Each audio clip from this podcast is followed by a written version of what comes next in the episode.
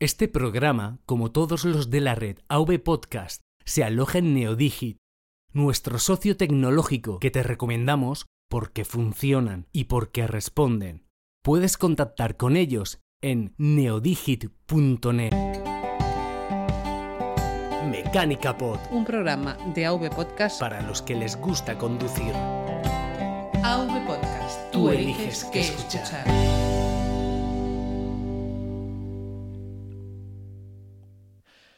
Buenos días, buenas tardes, buenas noches y bienvenido a Mecánica Pod, el podcast de motor de AV Podcast, en su episodio número 20, correspondiente al 20 de agosto de 2018.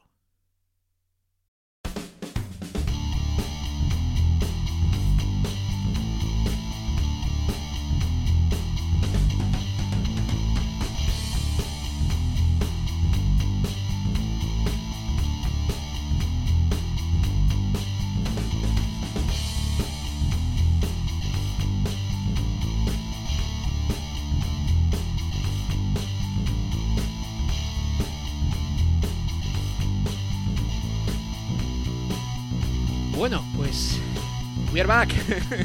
Parafraseando a, a Clarkson, we are back. Estamos de vuelta. Y al otro lado de la línea skyfónica, en su nueva casa, debería estar el amado Lidl, eh, Pedro. Aquí estoy, aquí estoy, Gerardín. Fíjate, días y días sin escuchar a nadie en este edificio estupendo maravilloso y perfectamente aislado. Y creo, creo que han llegado los vecinos del. que aunque son del otro portal, dan pared con pared. Os espero que no se cuelen en el. que no se cuelen en el audio. Aquí estamos. No sé Se- cómo lo tienes en que- Valladolid, pero una tarde estupenda se ha quedado en Galdácano, ¿eh? Sí, aquí, aquí parecido. Está siendo la verdad eh, un. Te iba a decir un invierno, qué cachondo.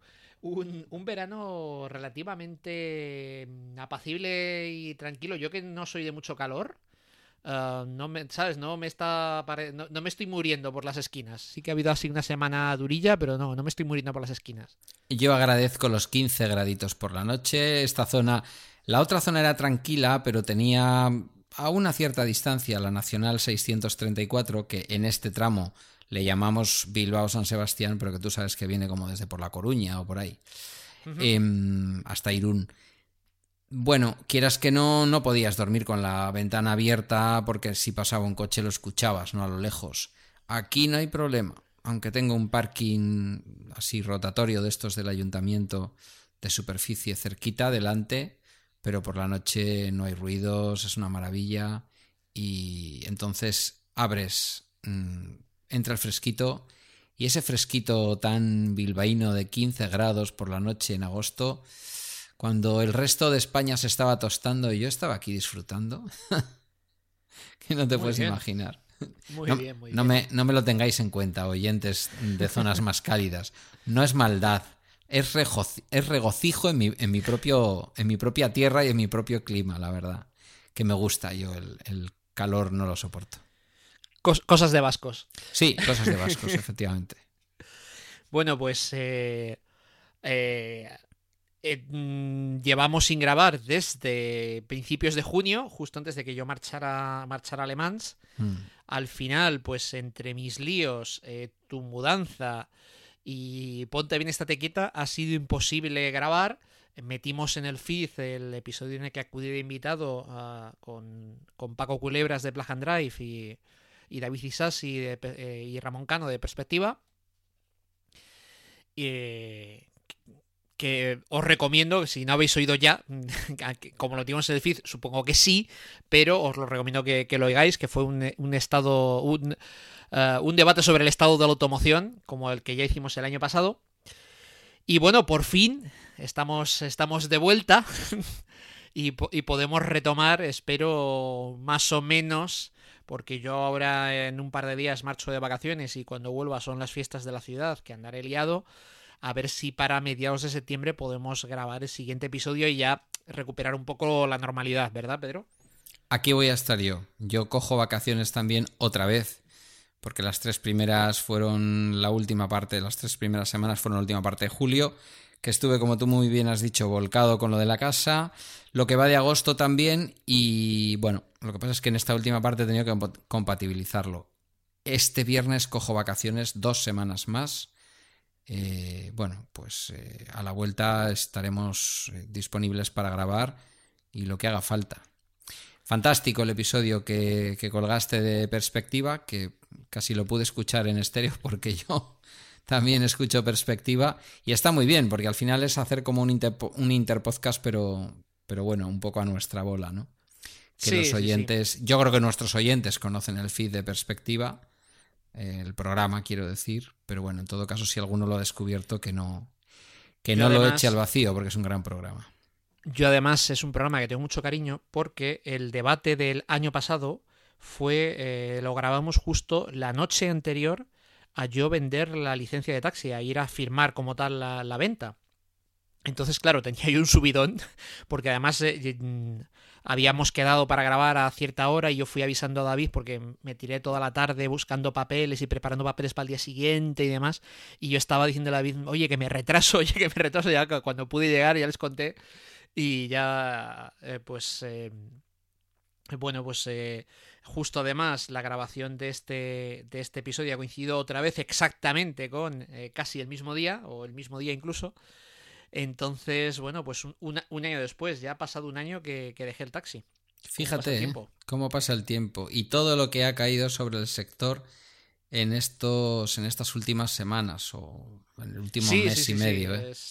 Es, eh, bueno, al fin y al cabo un poco pues está empezando a pasar lo que yo me temía que fuera a pasar y por eso yo vendí la, licencia al fin y al cabo.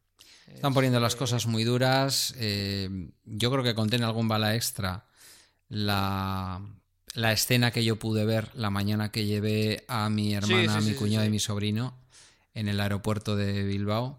Fue muy desagradable, la verdad. No, creo que esas personas tampoco representen a todo el sector del taxi, ni mucho menos. Y, y, de hecho es más, yo la, reflexión positiva que sí voy a hacer es que eh, con tanta, tanto paro, tanta concentración, que no tengo claro que sea el camino lo que están haciendo. También es verdad que no sé muy bien cuál es el camino. Pero claro, eh, ah, si te das cuenta, cuando se querían enfatizar sobre los incidentes, siempre mostraban las dos mismas imágenes. El coche volcado en el parking de un aeropuerto y el coche que apedreaban.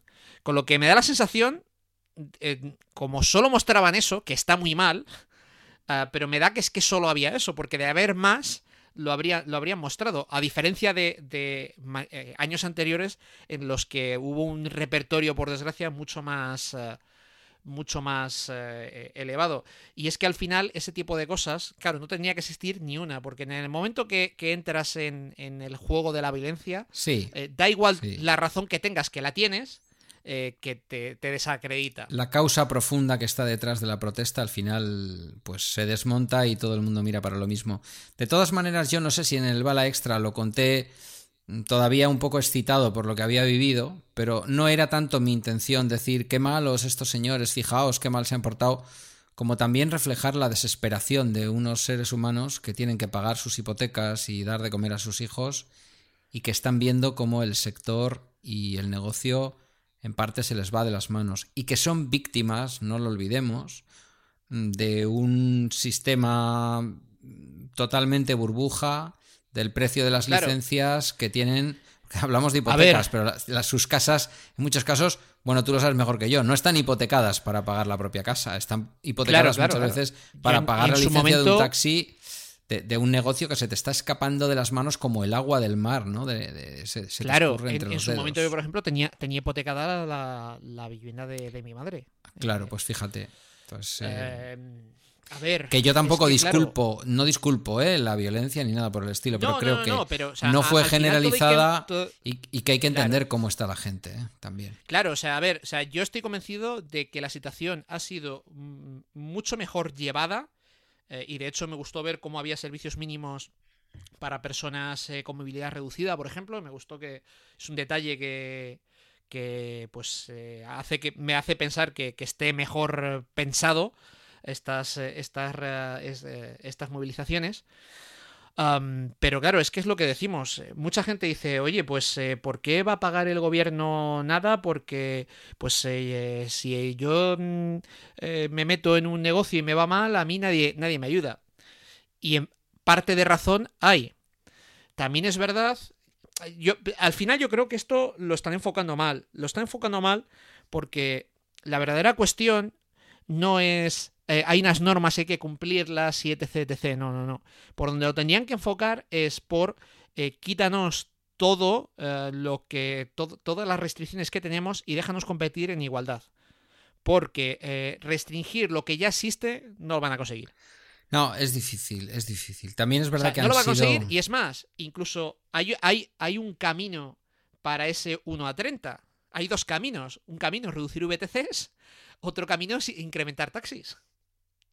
Claro, el 1 a 30 al final no es nada, ¿no? Eh, claro, muchos VTCs también salieron con cartelitos, se vio en los, en los telediarios diciendo somos favorables al 1.30. Claro, ¿cómo no van a ser favorables al 1.30? El negocio no se fastidia solo para el mundo del taxi, también para el VTC tradicional, también para el vehículo con, conductor tradicional. Entonces, eh, eh, lo, que, lo que yo quizás pediría es, pues mira, eh, quitarme todas las restricciones que, me aplicáis para poder, para poder competir. Miedo me da decir esto y tú, que eres el jefe del programa, mm, no me quiero yo meter en tu terreno, pero sabes que tenemos un montón de oyentes que, son del sector. Sí, sí, em, Sé que las opiniones no son blanco y negro, que en el sector no, todo el mundo entiende lo que está pasando. Es el problema de esto. Pero es que es el problema de esto, que se está, desde los medios incluso, se ha querido pintar una situación de blanco y negro cuando aquí hay una cantidad de grises de la leche. No, y que los propios taxistas, yo lo he visto, ¿eh? por privados y tal, eh, mucha gente me lo ha comentado a raíz de mis comentarios en Bala Extra. Es decir, no te creas que me llamó la gente para decir, Pedro, no has entendido la... No, no, no. Primero porque no, yo no me opuse a lo que estaban haciendo, por supuesto, faltaría más pero en segundo lugar porque yo creo que la mayor parte de los taxistas también entienden que algo está ocurriendo en el sector y que seguramente quienes están dirigiendo o estableciendo las políticas o, representando o haciendo lobby en favor del sector, algo se les está escapando porque como tú bien dices, em, va a ser difícil. Va a ser difícil desde la restricción ponerle puertas al campo. Mm, sí que está claro que todo esto no iba contra los VTCs, aunque al final parezca que sí, sino contra una forma de entender lo que es el negocio del, transporte de viajeros privado, ¿no? Bueno, ya veremos. Eh, lo que iba a decir metiéndome en tu campo es que, no sé, pues que los muchísimos profesionales del transporte, específicamente el transporte de viajeros del, del taxi, y seguramente que también algún oyente que conduzca algún vehículo con conductor, pues, eh, oye, genial, ¿no? Si nos llegaran opiniones razonadas. No, no estoy a favor del blanco o estoy a favor del negro, sino cómo lo está viviendo cada uno, porque detrás de esto también hay historias personales. Sí, de igual manera que, mira, luego vamos a. sirva, mira, sirva esto para, para cualquier cosa que nos queráis contar. Eh, está nuestro correo, mecánicapoz.gmail. Eh, de hecho, eh, hemos recibido hace poco un, correo de un oyente contando una experiencia de compra que luego, que luego eh, em, eh, impersonará a Pedro con su voz random, que es lo que todos estáis esperando. Hoy voy a poner voz de David Marcinjac, que no sé si le tengo que dar acento de Barcelona. Si lo, si hiciera David. No entremos en el tema de los acentos, no sea que alguien se enfade. No, no, no. David sabe que si yo pongo acento de Barcelona, lo voy a hacer primero desde el manejo que tengo del catalán en la intimidad y segundo desde el más absoluto cariño y para también, en fin, quitarle dramatismo pues a todo esto que vivimos, que vivimos en unos momentos pues, eh, convulsos, no solo en el sector del taxi, ¿eh? Sí. Pues yo creo que eso, que efectivamente, de igual manera que me encantaría que, me, que, nos llegara un montón de correos contando, pues desde excompañeros por mi parte, usuarios, eh, público en general, contándonos eh, un poco vuestra, como dices tú, vuestra opinión razonada. Y además, eh, me encanta que digas esto porque esto sirve para vincular con el almohadilla tema del episodio. Y es que hace unas semanas en el grupo de Telegram, eh, que tenéis el enlace en las notas del programa, o me lo podéis pedir en, en, Twitter si no lo encontráis. El grupo de Telegram, que cada vez está más interesante, y me parece que somos ya 145. Pero pues, con mucho nivel, 145 muy selectos. No, no, o sea, fuera de coña, además es que eh, el, el debate alcanza niveles interesantes. Entonces, em, dejé un mensaje diciendo que, bueno, pues que si queréis que comentáramos un tema concreto, pues que me dejara un mensaje con eh, hashtag tema. Y hoy vamos a eh, iniciar el hashtag tema eh, con mató el SUF al monovolumen. Y la única pena es que em, no me acuerdo quién lo puso y no lo voy a buscar ahora por, por no liarnos. Ah, mm, pero bueno, el oyente que, que lo puso, él sabe quién es, va por ti. Bueno, pues dedicado a, a ti, quien seas. Yo no te lo puedo decir porque es verdad que leo a veces en oblicuo el, el canal, porque, bueno, ya sabes cómo va esto, que, que es imposible Sí. para No, bueno, la verdad es que pero... eh, como recibí en ese momento una- unos cuantos eh, hashtag tema, eh, pues eh, ahora, sinceramente, se me olvidó apuntar quién, quién ha sido, fallo mío. Y hombre, pues por no ponerme ahora aquí en, en directo a. Eh, En a el próximo episodio se lo. En el próximo episodio. Bueno, pues se mató el SUF al monovolumen. Eh, es una buena pregunta. Y, y parece que sí. Hace poco nos despertábamos con la noticia de que el Opel Zafira, el monovolumen de Opel, no iba a tener eh, continuación. Tampoco creo que Opel haya sabido hacer las cosas con el Zafira, eh, estando donde estuvo, pero porque, por ejemplo, lo, lo que, por otra parte, daría la razón al hecho de que sí, que el sub ha matado al monovolumen. em, hay monovolúmenes que están evolucionando y que realmente los estás viendo, como por ejemplo el nuevo Scenic, que es un vehículo que yo siempre sigo porque tuve, tuve un Scenic y fue un vehículo que cumplió perfectamente su función. Si tú la miras de costado y miras el formato más deportivo, vamos a decir, estás viendo un coche que claramente es más monovolumen, pero que no podrías decir que no es exactamente un sub. Entonces, Claro, es, y, luego, y luego aparte está la subificación de cosas que no son SUV. eso es. Porque ahora, eh, de hecho, por ejemplo, eh, bueno, nos, nos hemos despertado también con noticias como que Ford en Estados Unidos eh, iba a cargarse toda la gama, todo, todo. eh, de Berlinas, el Focus, el Fiesta, todo, y iba a dejar solo SUV y el Mustang. Se nos está yendo de las manos. Cuando empezamos este pequeño, bueno, no este debate en concreto, que empezó, como dices tú, con el hashtag en el grupo de Telegram, sino las primeras veces que tú y yo hablamos de este asunto del- de los sub, que yo me mostraba bastante más favorable, cuando fuiste a aquellas 24 horas Toyota eléctrico y condujiste un sub, eh, no recuerdo el modelo porque se me escapan El los nombres. CHR. Era Que las es 24 horas híbridas y era el Toyota un vehículo CHR. precioso, un vehículo precioso, que, que lo condujiste en el. En el. eh, Ascari. En, en Ascari, eso es. Pues eh, yo no tenía tan claro lo de los sub. Después, eh, recorriéndome los concesionarios con mi amiga Inoa, que yo creo que, bueno, ya te lo he contado, por cierto, hay final de la película, ha ocurrido Ah, pues, este, pues viernes, luego, este viernes pasado luego y, lo- contamos. y ¿eh? lo contaremos. Una de los, uno de los vehículos que quiso probar fue el CX3, puede ser, de, de, ¿De Mazda? Mazda. Y oye, eh, siendo ella una chica y yo un chico, siendo ella una conductora ocasional desde su casa al trabajo 6 kilómetros o 7 todos los días, y siendo yo una persona que se hace 30, 35 mil, incluso 40 mil al año, me lleva porque teóricamente soy el que sabe. O sea, imaginaos lo que sabe ella si el cuñado de Mecánica Poz va de asesor. Bueno, pero el cuñado de ser cuñado de mecánica post ya es un, es Hombre, un título, ¿eh? O sea, no, no, tengas ninguna duda, ninguna duda. Eh, pues nos bajamos del coche y cuando ya nos quedamos a solas, me dijo, no es lo que parece. Y le dije, perfecto, es exactamente lo que yo he pensado. Estamos conduciendo un Seat Ibiza y nos están vendiendo la película de que es otra cosa, pero en el fondo esto es un Seat Ibiza, bueno, un Seat Ibiza... Claro, el- a ver, eh, me da igual, un coche pequeño, sí, sí, sí. que- es que, a ver. eh, pero mucho más incómodo, porque un Ibiza o cualquier vehículo del segmento del Ibiza son coches maravillosos para conducir, que te dan la posibilidad de ir por carretera, pero que funciona muy bien en ciudad, pero en el sub al final te falta de todo, o sea, no sé. Quieres que sea más grande y no lo es, pero en el fondo tampoco te interesa que sea más grande. Fue una sensación muy extraña. A ver, eh, mira, Pedro, y esto vamos a seguir dando vueltas y voy a dar el resumen de, de por qué. Porque además, si te das cuenta, toda la publicidad, eh, las marcas solo publicitan SUV. Tienen más cosas en la gama, pero prácticamente solo publicitan SUV. Es. Eh, y, y, por qué? Pues porque a la marca le interesa vender SUV. ¿Y por qué? Pues por una sencilla razón. Porque estamos dispuestos a pagar más por un SUV. Cuando a ellos no les cuesta eh, más eh, hacer un SUV que, que un. que, un. Em, que un turismo. ¿Y por qué estamos dispuestos a pagar más?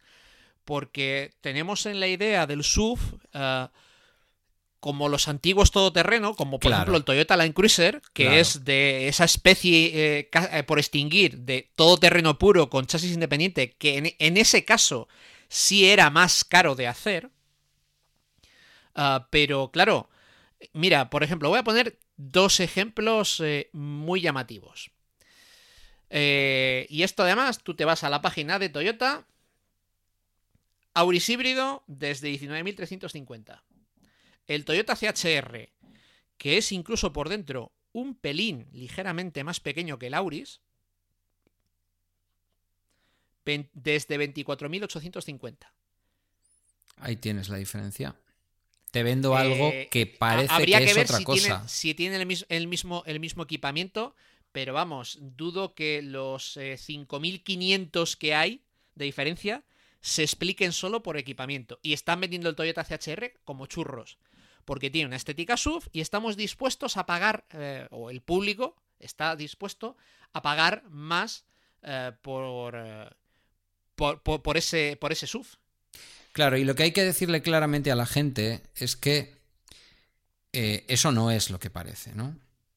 Hoy. Es más, voy a poner otro ejemplo más gordo todavía, porque aquí dices, bueno, es otro modelo, venga, va.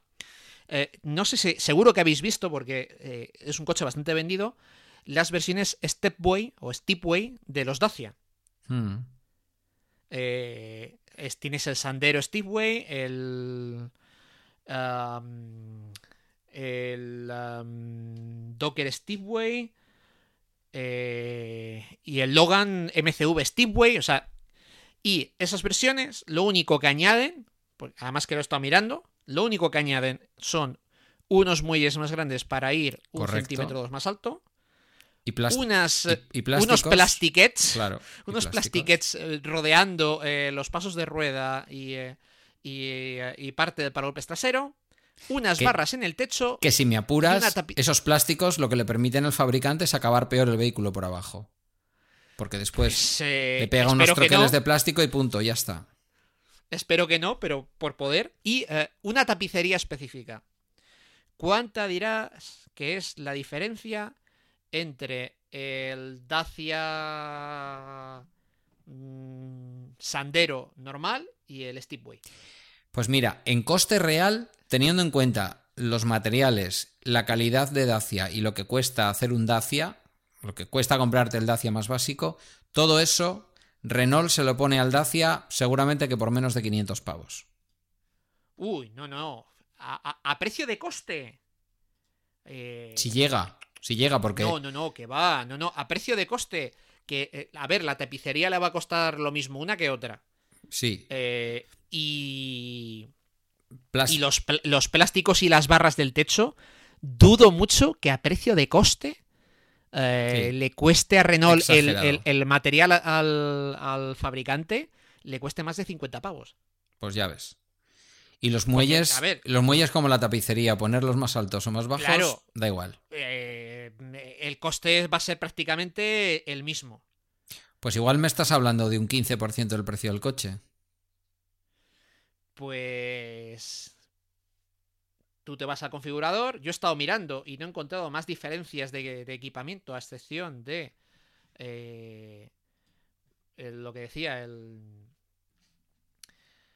Igual, igual, te meten un botellín. Igual te meten un botellín de metal de esos para ir al monte.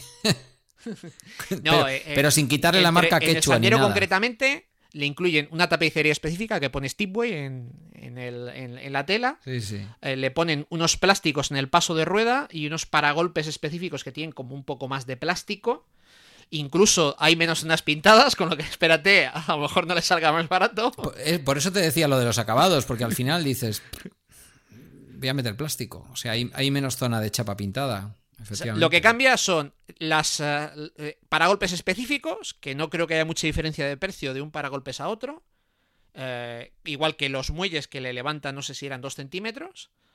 Eh, digamos, piezas nuevas eh, que supongan un sobrecoste serían los, los plásticos del, del, del paso de rueda y las barras del techo. Y el pequeño sobrecoste que pueda tener el diferente modelo de paragolpes, que yo que sé, a lo mejor lleva más, eh, un pelín más de despiece, porque sí que es verdad que hace así como efecto, como una defensa Sí, más, sí, eh, sí. más tal. Venga, va. Sí, Es- decimos esos que por debajo no vaya eso- pintado, pero bueno, le habrán dado la misma capa de pintura que al resto, solo que han ido y le han pegado los, y le han pegado los plásticos. Eh, eso, eh, en precio de coste, dudo yo que al fabricante eh, le cueste eh, más de 100 euros, ¿eh? y, y vamos, siendo generosísimo. ¿Y la diferencia en coste, o sea, en, en precio? En tarifa, Mm. pues el eh, Dacia Sandero eh, Steepway Essential eh, de 75 caballos cuesta 9.345 euros más extras y el Essential o sea el sin que Steepway no es Steepway, 8.300 1.045 euros que estamos Y- hablando de un coche los- de 9.000 pavos. Es decir, si estuviéramos hablando de un coche de 27.000 pavos, te están calzando 3 o 4.000 euros. Pues que hablamos de, Eh, de 1.000 yo euros he- en, he en un coche que vale ¿sabes 8. qué pasa? ¿Sabes qué pasa? Que claro, esta situación de esta subificación y estas cosas eh, no se ve tan, tan directo como aquí. Ah, y de hecho, además, está hecho todo a muy mala baba. Porque por- eh, el, el Arona se sitúa justo ahí en el medio entre el Ibiza y el León, por ejemplo. En precio. Entonces tienen ahí un poco como la excusa para cobrarte un poco más. ¿Sabes? Eh, quizás este sea un caso... O sea, no, no- no creo que pudiéramos decir que en uno de 27.000 te cobren en, en el mismo porcentaje. Eh, pero teniendo en cuenta la cantidad de Sandero Steepway que se ven por la calle, eh, es evidente que hay gente a la que esta apariencia de SUV le hace... le- le- Es- le- pero- es la apariencia. Interesante. Es la apariencia, Gerardo. Yo cuando fui con Ainhoa y estuvimos en Mazda y yo le decía, pero prueba el Mazda 3, prueba el Mazda 3, es un coche precioso, es un coche que se distingue porque Mazda no es tan vendido como cualquier otra marca generalista. Yo le expliqué, Mazda podrías considerarlo, bueno, igual no sé si lo hice bien, tú entiendes más de japoneses, pero yo le decía, sería como el Volkswagen de los, de los coches orientales, es un coche que, bueno, sobresale un poquito, tiene mucha fiabilidad. Mm, No, el 3 no lo quiero, no me gusta el 3. Bueno, ¿cómo no te puede gustar? Es un coche precioso. No, no me gusta el 3. Si me voy a ese tipo de coche, me voy a un, a un Golf. Eh, sin embargo, el CX3 sí, es que es muy bonito. Mira, por ejemplo, entrando en la página de Mazda, Mazda 3 2017, habría que ver motores, equipamiento y demás, ¿eh? O sea, esto es muy por encima, pero Mazda 3 2017 desde 18.350, Mazda CX3 2017 desde 20.495. Pues eso. Habría que ver equipamientos y tamaños. Lo que tú y quieras, pero te estás llevando un coche que en el fondo no tiene más habitabilidad, que su comportamiento dinámico no es para nada el del 3, eso es así de claro. Eh, no, es que, claro, eh, luego está esta creencia de que eh, los subs son más seguros, que es una cosa que a mí siempre me ha flipado mucho, ¿eh? No. Porque mm, a, a poquita física que hayas estudiado en el cole, sabes que cuanto más alto, peor, porque tienes un centro de gravedad más alto. En seguridad activa lo dudo, porque no es un todoterreno alto. Y en seguridad pasiva, sin ninguna duda, no, no, porque es imposible que tú, con el mismo nivel de equipamiento, ¿vale? No estamos hablando de si al, si al sub le metes un acabado deportivo, o un tren de rodaje deportivo, o una, yo qué sé, una amortiguación adaptativa de no sé qué tipo. Al mismo nivel, siempre el coche más bajito, más pegado a la carretera y con, y con el centro de gravedad más bajo, lo vas a conducir mejor. Como norma general, ¿eh? Habrá excepciones, no digo que no. Entonces, Mira, eh, lo decían el otro día otra- los de... Sí, te, te decía Sí, sí, lo- sí. que los decían el otro día los, los amigos de, del Grand Tour, que estuve viendo un episodio por probar la nueva tele en 4K, estuve viendo un episodio de los últimos de la temporada de este año y te lo comentaba antes, ¿no? Y decían, bueno, eh, hoy vamos a probar esos coches que no nos gustan, pero para nada. Lo que pasa es que sabemos que tienen seguidores y los vamos a probar. Y decía el presentador principal, em, porque claro, ¿quién quiere comprarse un coche que vale más caro que el vehículo del que se deriva? Se conduce peor y tiene peor habitabilidad muchas veces que el vehículo del que se deriva. Nadie. Aún así decía, "Vam- vamos a probarlos, ¿no? Mira, por ejemplo, otro caso muy, muy palmario, em, Golf Sports Van, que es como el antiguo Golf Plus, eh, que tú, tú tuviste un Golf Plus, ¿no? Sí, yo tuve un Golf Plus eh, B... No, DSS. Bueno, pues ahora el Golf Plus es Golf Sports Van. Ah, con el motor un- eh, acabado de Edition, motor 1.4 TSI desde 22.360. Tiguan, acabado Edition, habría que ver si tiene exactamente lo mismo. Eh, motor 1.4 TSI de eh, 27.305. Claro. 5.000 pavos. Es que además en esas marcas un poquito más premium, mm, la diferencia a veces es todavía mayor. Por eso, eh, Volkswagen en concreto está... Volkswagen ya es que no, no le caben coches. Ahora han sacado el T-Rock, que entiendo que es lo mismo, pero derivado del Polo. Eh, no, no- no le caben ya Pues más no, lo que, pero lo que han hecho es lo que te decía de te lo planto un poco en el medio. Está medio camino entre el polo y el golf. Claro, pero Mm, Pero bueno, mira. Haciendo trampas, suponer- seguramente. Ahora estoy hablando de lo que no sé, como casi siempre, pero bueno. Haciendo trampas. Seguramente no lleva una plataforma distinta. Seguramente No, lo que han hecho es darle más vuelo a la plataforma, seguramente sin, sin más. No, no, generalmente, a ver, el 95% de los SUV son la misma plataforma de un turismo, generalmente de un compacto, Ujú. O sea, de un León, Golf, etc., levantada y si acaso estirada.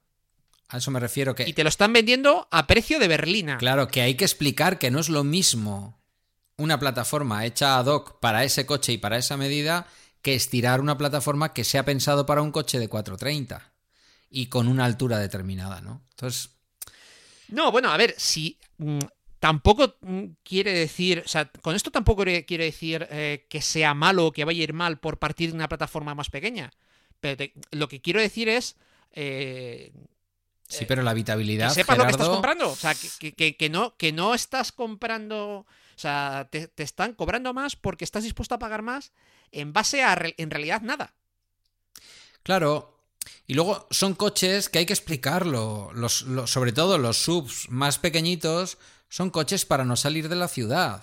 Son coches que tienen una apariencia de que te cabes, cabes mejor porque entras en una posición más erguida, porque estás sentado de una manera más erguida, pero para un viaje largo llega un momento en que dices, estoy muy alto, tanto el conductor como los, como los acompañantes. Hombre, también te digo que eso, eso es cuestión de gustos, porque hay gente que prefiere, prefiere claramente ir alto. Yo soy de los del culo un palmo al suelo, pero, chico, Yo pensaba que conducía muy abajo hasta que he probado el viernes.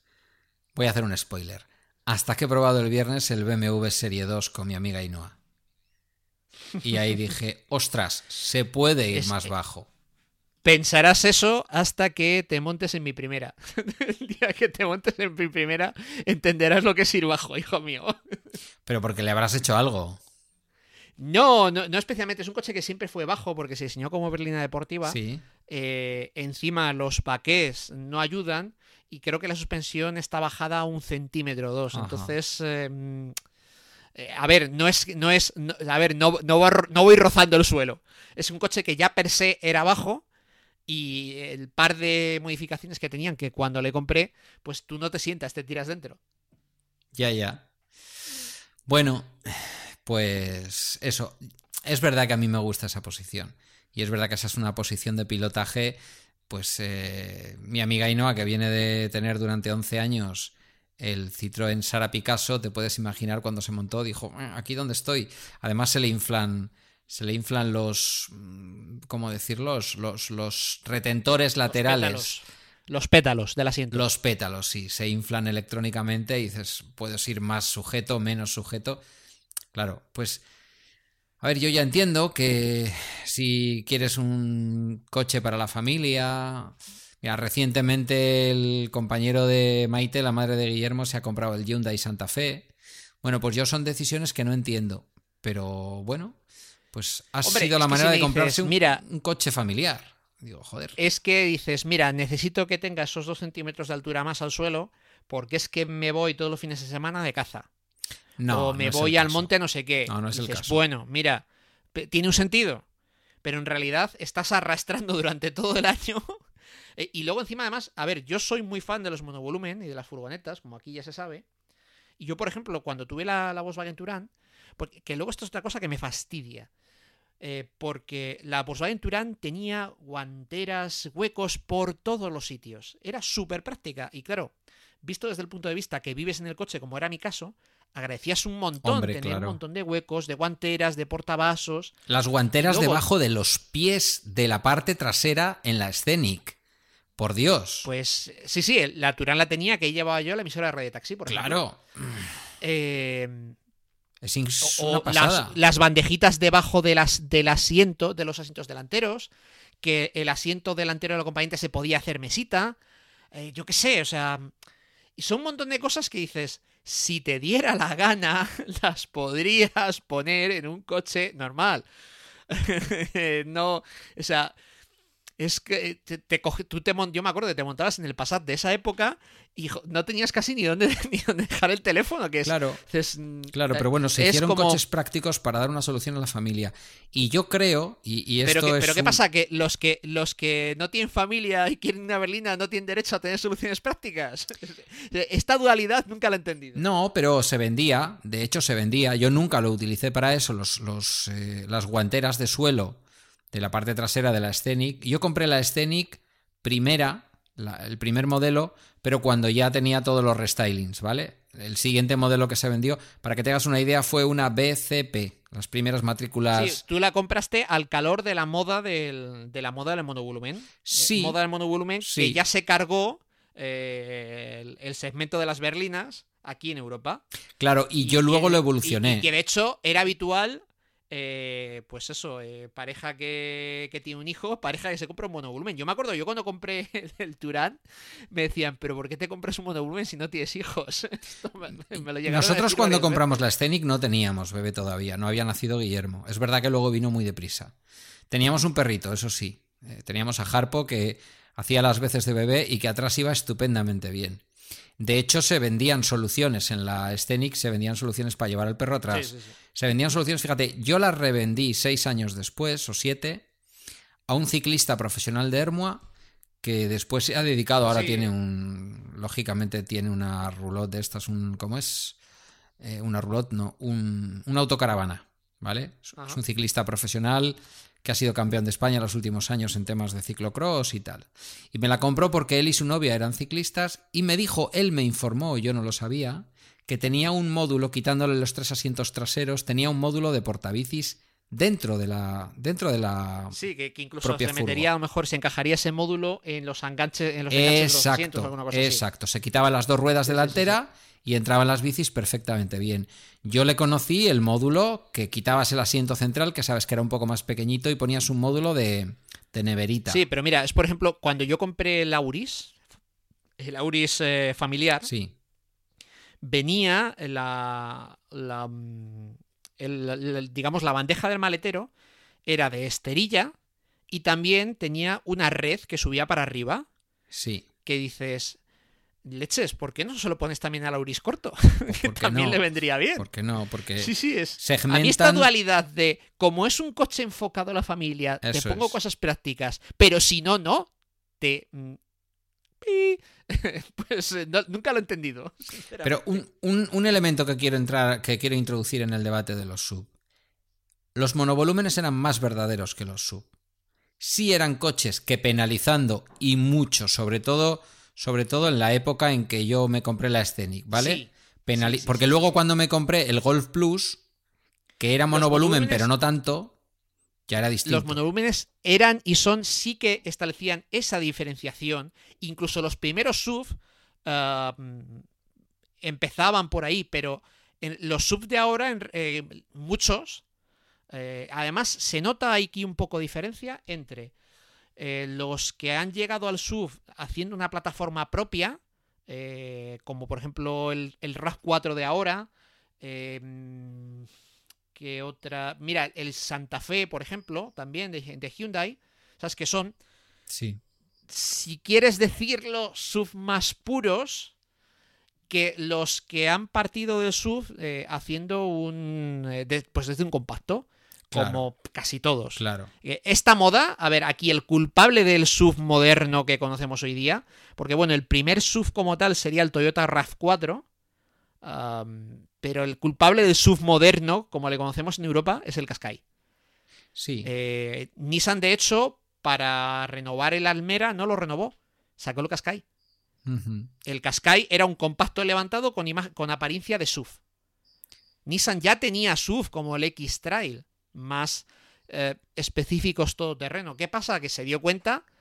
Eh, claro, hasta ese momento los SUV todos tenían tracción a las 4, todos tenían una altura ya más llamativa, más...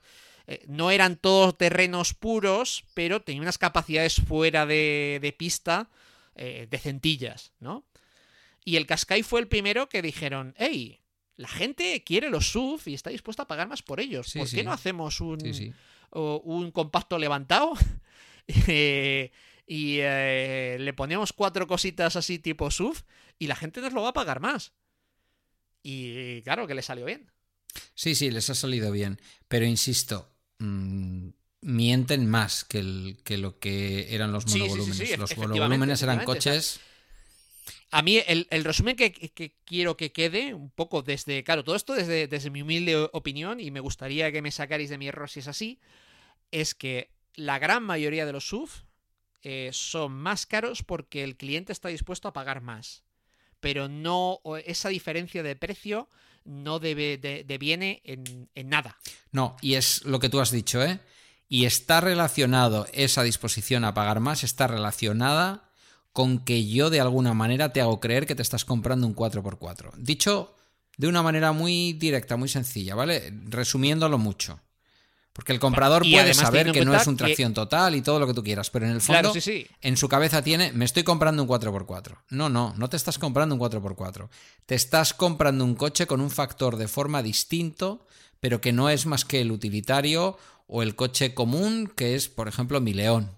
No, es que me he comprado una Arona. Aberraciones, bueno, pues... Porque al menos eh, la mayoría de los, eh, de los fabricantes en estos eh, SUV se dejan la carta de ofrecerle contracción a las cuatro ruedas. Pero luego tienes aberraciones como el CHR, aberraciones dentro del mundo SUV, eh, como el CHR que ni siquiera tiene opción de tracción a las cuatro ruedas. Que es que, total, nadie le iba a comprar. O casi nadie las compra.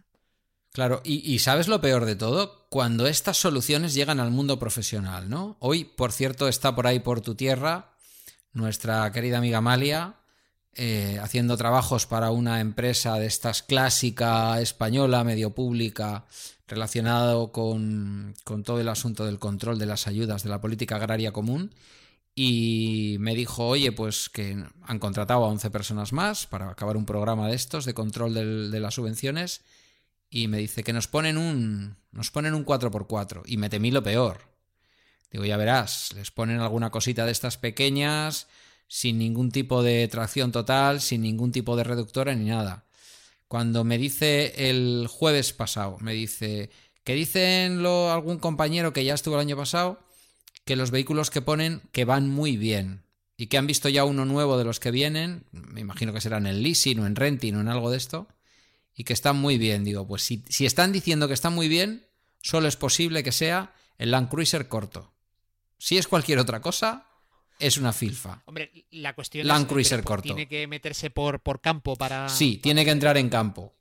Tiene que entrar en campo. es un trabajo que ella ya ha hecho. Te diré, sí te diré que hay eh, a esta moda SUV, sí que hay uno que incluso fuera de campo, que yo lo he probado, fuera de campo funciona razonablemente bien, que es el Dacia Duster. Fuera de campo te refieres a fuera de. Fuera, o sea, en, en, pistas o, fuera de pistas. fuera pista. Sí, sí, en pistas y, hombre, no he trialeado con él, pero por alturas. Pero claro, hay que tener en cuenta. El Dacia Duster habría que. No, no estoy seguro si parte de plataforma de Clio, que probablemente. Pero sí es cierto que el Dacia Duster es un producto global, que en otros productos, en otros mercados se vende como Renault. Eh, y en bueno, está pensado principalmente para lo que denominan mercados emergentes, que en general pues tienen ah, peores carreteras que nosotros. Y eh, se nota, porque además tú ves un Dacia Duster y ves, ponga el SUV que quiera, y verás que la altura al suelo del Duster, incluso el tracción simple, es más alta. O sea, es algo, vamos, que cualquiera con un metro lo, puede, lo puede ver. Entonces, Probablemente sea, sea un Duster que ya te digo, un, pariente del pueblo lo tiene y lo he probado.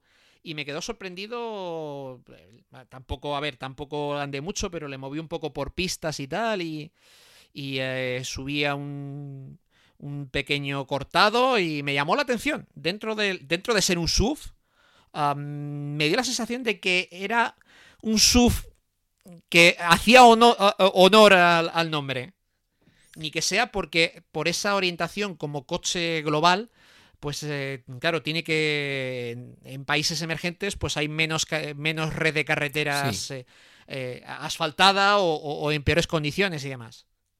Sí, pero si vas a hacer un trabajo como el que estaba yo relatando, tú querrías ver aparcado a tu puerta, como lo ha visto hoy a la, mañana a las 8, Amalia, un, un Toyota Land Cruiser cortito. E-, era un Land Cruiser. Perfecto. Era un Land Cruiser y enseguida le he dicho, pues, reductora. Seguro, seguro no lo tenía porque no lo he podido mirar esta mañana, pero me imagino que igual hasta control de descensos. Bueno, pues cosas ya de un coche de una gama que dices, esto es para, para esto. Para hacernos una idea, para hacernos una idea. El París-Dakar, eh, una de las pruebas, si no la que más dura eh, prueba de, de rally eh, off-road eh, del mundo, ¿no? Hay una categoría que me parece recordar que son, eh, se llamaba T2, que son vehículos eh, muy derivados de la serie. O sea, muy derivados de la serie que es, le sacas del concesionario, le pones el arco antivuelco y, y los asientos y las medidas de seguridad preceptivas, te dejan modificar, me parece que era el filtro de aire y ponerle un chip al motor para que ande un pelín más. Eh, doble amortiguador por rueda y soltar unos pequeños refuerzos en, ejes y con eso te haces el Dakar. Y adivinar qué, eh, qué marca y modelo lleva ganando esa categoría pues casi desde que el tiempo es tiempo. Pues si no le puedes modificar mucho, me imagino que el que sale más preparado tiene que ser el coche del que estamos hablando, un Toyota Land Cruiser, digo yo. Efectivamente, efectivamente. Claro. Y ya digo, son coches dentro de, bueno, dentro de lo que es competición, son casi de serie. Porque ya digo que, pues eso, les ponen las medidas de seguridad, el arco antivuelco, eh, les ponen doble amortiguador por rueda, sueltan unos pequeños refuerzos en suspensión y muy poquito más. Sí, cuando... De hecho, a, nivel de motor, creo que metían una, admisión de aire directa y un chip de potenciación para ganar un 20% de potencia y ya. Y el resto del motor era de serie y de hecho, además, no se puede cambiar el motor. Si rompes el motor, te vas a casa. si no mal recuerdo que era así el reglamento que mm, claro que luego ves series tipo, yo no sé, me estaba acordando de Lamin Tower, por ejemplo, que se ve a los a los yihadistas por ahí, por en medio del desierto, en, yo qué sé, en Afganistán o donde sea. ¿Qué es lo que llevan? Land Cruiser. No, no digo que en algún momento no veas un Isuzu, no sé cuántos y otros coches que yo ya ahí no llevo, ¿no? De hecho, eh, pero claro. Mm, hay una guerra de África que se le conoce como la guerra de las Toyota, o sea, te digo más. Claro, pues es que pero bueno, esto parece que me estás llevando al lado del mal, ¿eh? Me estás llevando a Toyota. No. Y luego veremos que Toyota a veces. Mm. Sí, sí, sí. Aquí, aquí hay aquí para todos. No, pero si a ver, si yo el tema del SUV, mira, eh, que si tú te quieres comprar un SUV y te cuadra el precio y tal, no sería yo quien te quite. No, yo ya no. Ahora. Yo ya no. Ahora, mm, que sepas bien que en la mayoría de los casos eh, estás, eh, estás pagándolo porque mm, algo que en realidad no hay. Eso es así. Eso, Ah, bueno, es habría así. que, ver, habría que ver caso por caso, pero en la gran mayoría así es. Otra cosa es que sean coches cómodos para un determinado sector de población. Gente que ya no quiere sentarse muy abajo, problemas de rodillas, Sí, no, problemas de otro tipo. Pero luego aparte, Vale. claro, o sea, eh, es lo que te digo, tú te ves, eh, te ves los anuncios y si te das cuenta, los fabricantes lo que están anunciando a de huello es el SUV. ¿Por qué? Porque tú te crees que eh, a- al fabricante que sea, por ejemplo, a Volkswagen, que decíamos, le cuesta mu- le cuesta mucho más hacer un Tiguan que un, que un Golf Sportvan. No, no. Todas Para estas cosas tienen que ver con, un, con una economía de escala. En el momento en que los has metido en el mercado y los, están, los estás vendiendo tanto como el vehículo del que derivan, te cuesta hacerlos lo mismo. Sí, y, y- y luego aparte, o sea, a mí uno de los anuncios que ya me raya en lo... Porque luego en esto también hay mucho de crisis de los 40 y tal, ¿sabes? Eh, me raya en, en casi la vergüenza ajena es el del Opel, me parece que es el Crossland, que sale un señor así, pues de mediana edad, de 40 y muchos, 50. El tío cierra, si te, si te acuerdas, si os acordáis del anuncio, cierra la puerta del espejo y se queda así mirando como con cara de circunstancia, pues, eh, oye, mira, estas son las cartas que me ha tocado en la vida y hago lo que puedo. Y dice, ah, necesito mi Crossland. Y sale el tío ahí como sintiéndose súper bien eh, en ir en el Crossland que será, un cosa levantado. No lo sé, pero es feo de narices. Lo vi por fuera y por dentro cuando estuvo mi amiga probando el, el Astra. Y bueno, en su favor hay que decir que de todos los sub es el que es un poquito más coherente con lo que pretende. ¿eh? Altura para las cabezas en los asientos traseros. mm, Bastante bien para llevar, desde luego bien para llevar dos adultos y un niño, y relativamente bien para llevar tres adultos no muy voluminosos cosa que ningún sub cumple. También es cierto que ningún compacto.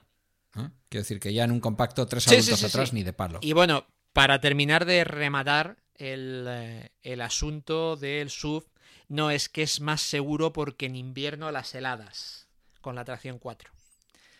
A ver si encuentro el vídeo por ahí. Yo hace- le vi este invierno, me llamó mucho la atención. En una calle, con una ligera pendiente hacia arriba, completamente helada, eso sí. Un BMW 36, con lo que Hmm. dudo que llevara eh, control de tracción ese coche.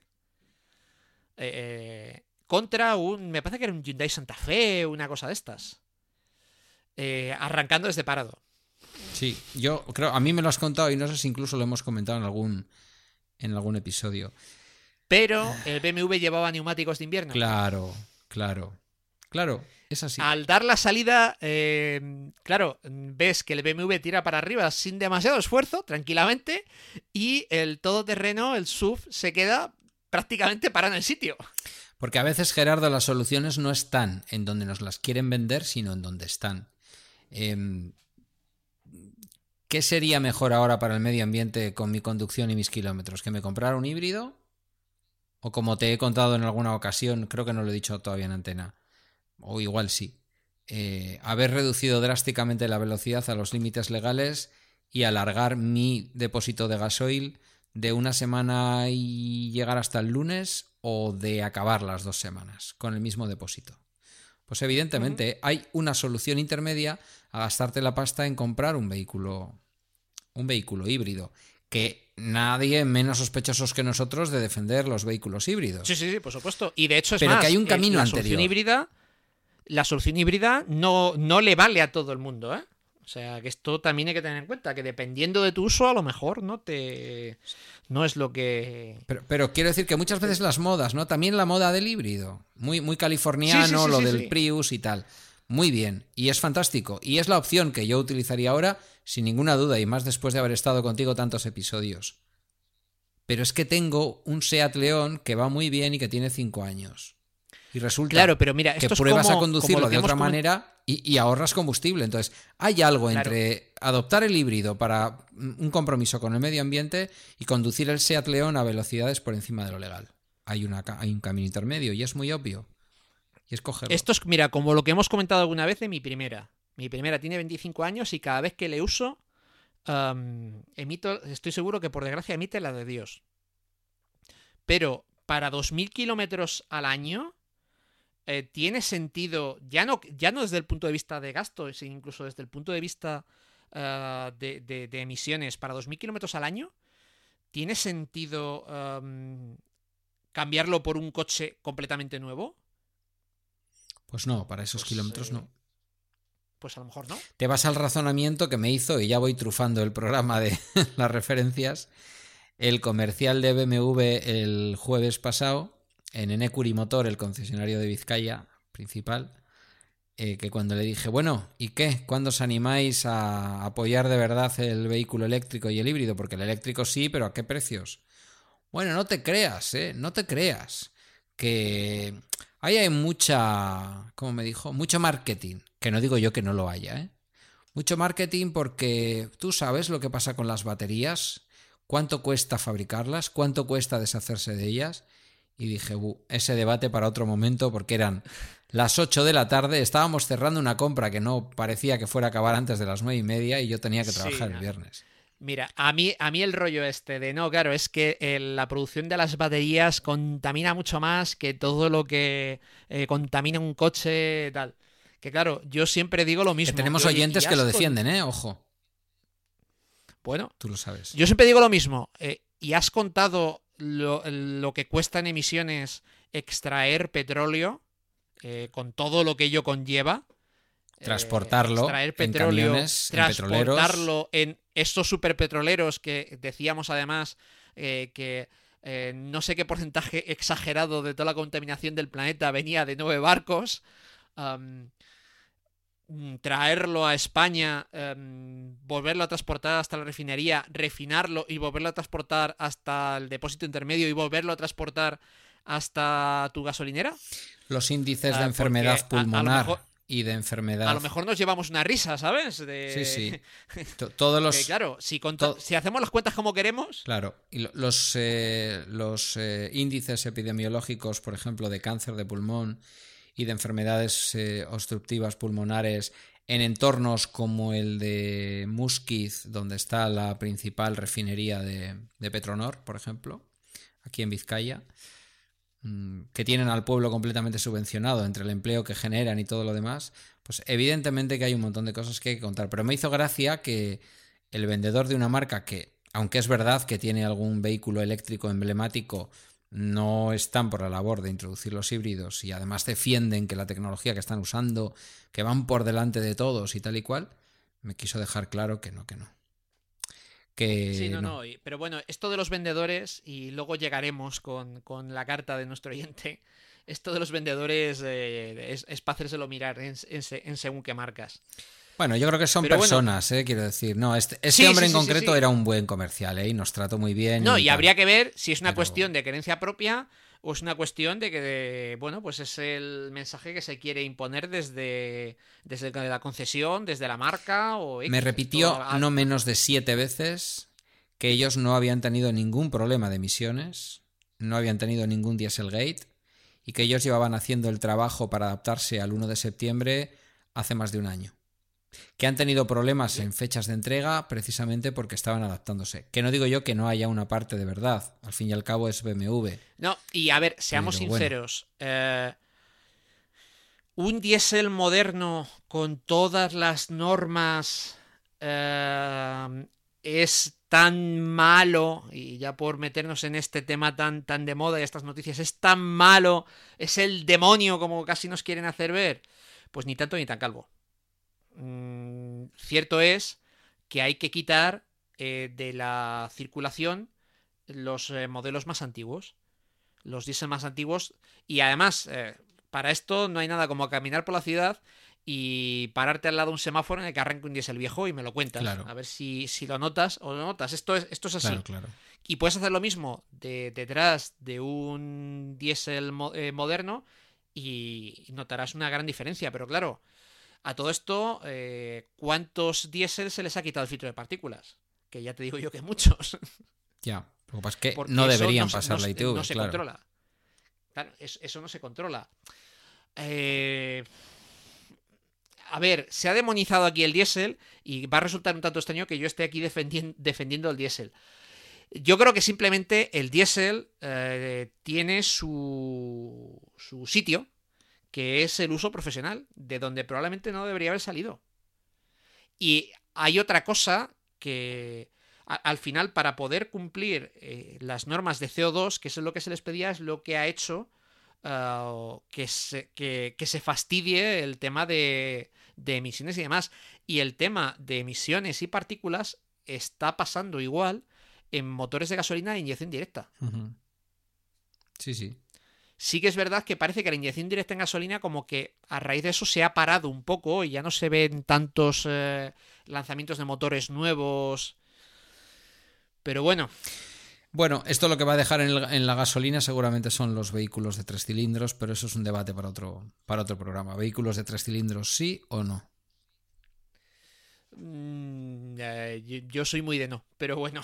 Sí, yo también, pero creo que la tecnología hará que en algún momento no, se, no seamos tan reticentes o no tengamos tantos motivos. Hoy creo que todavía, bueno, el hombre este de, de BMW el otro día me miró como diciendo, en BMW esas cosas no queremos ni verlas, por Dios.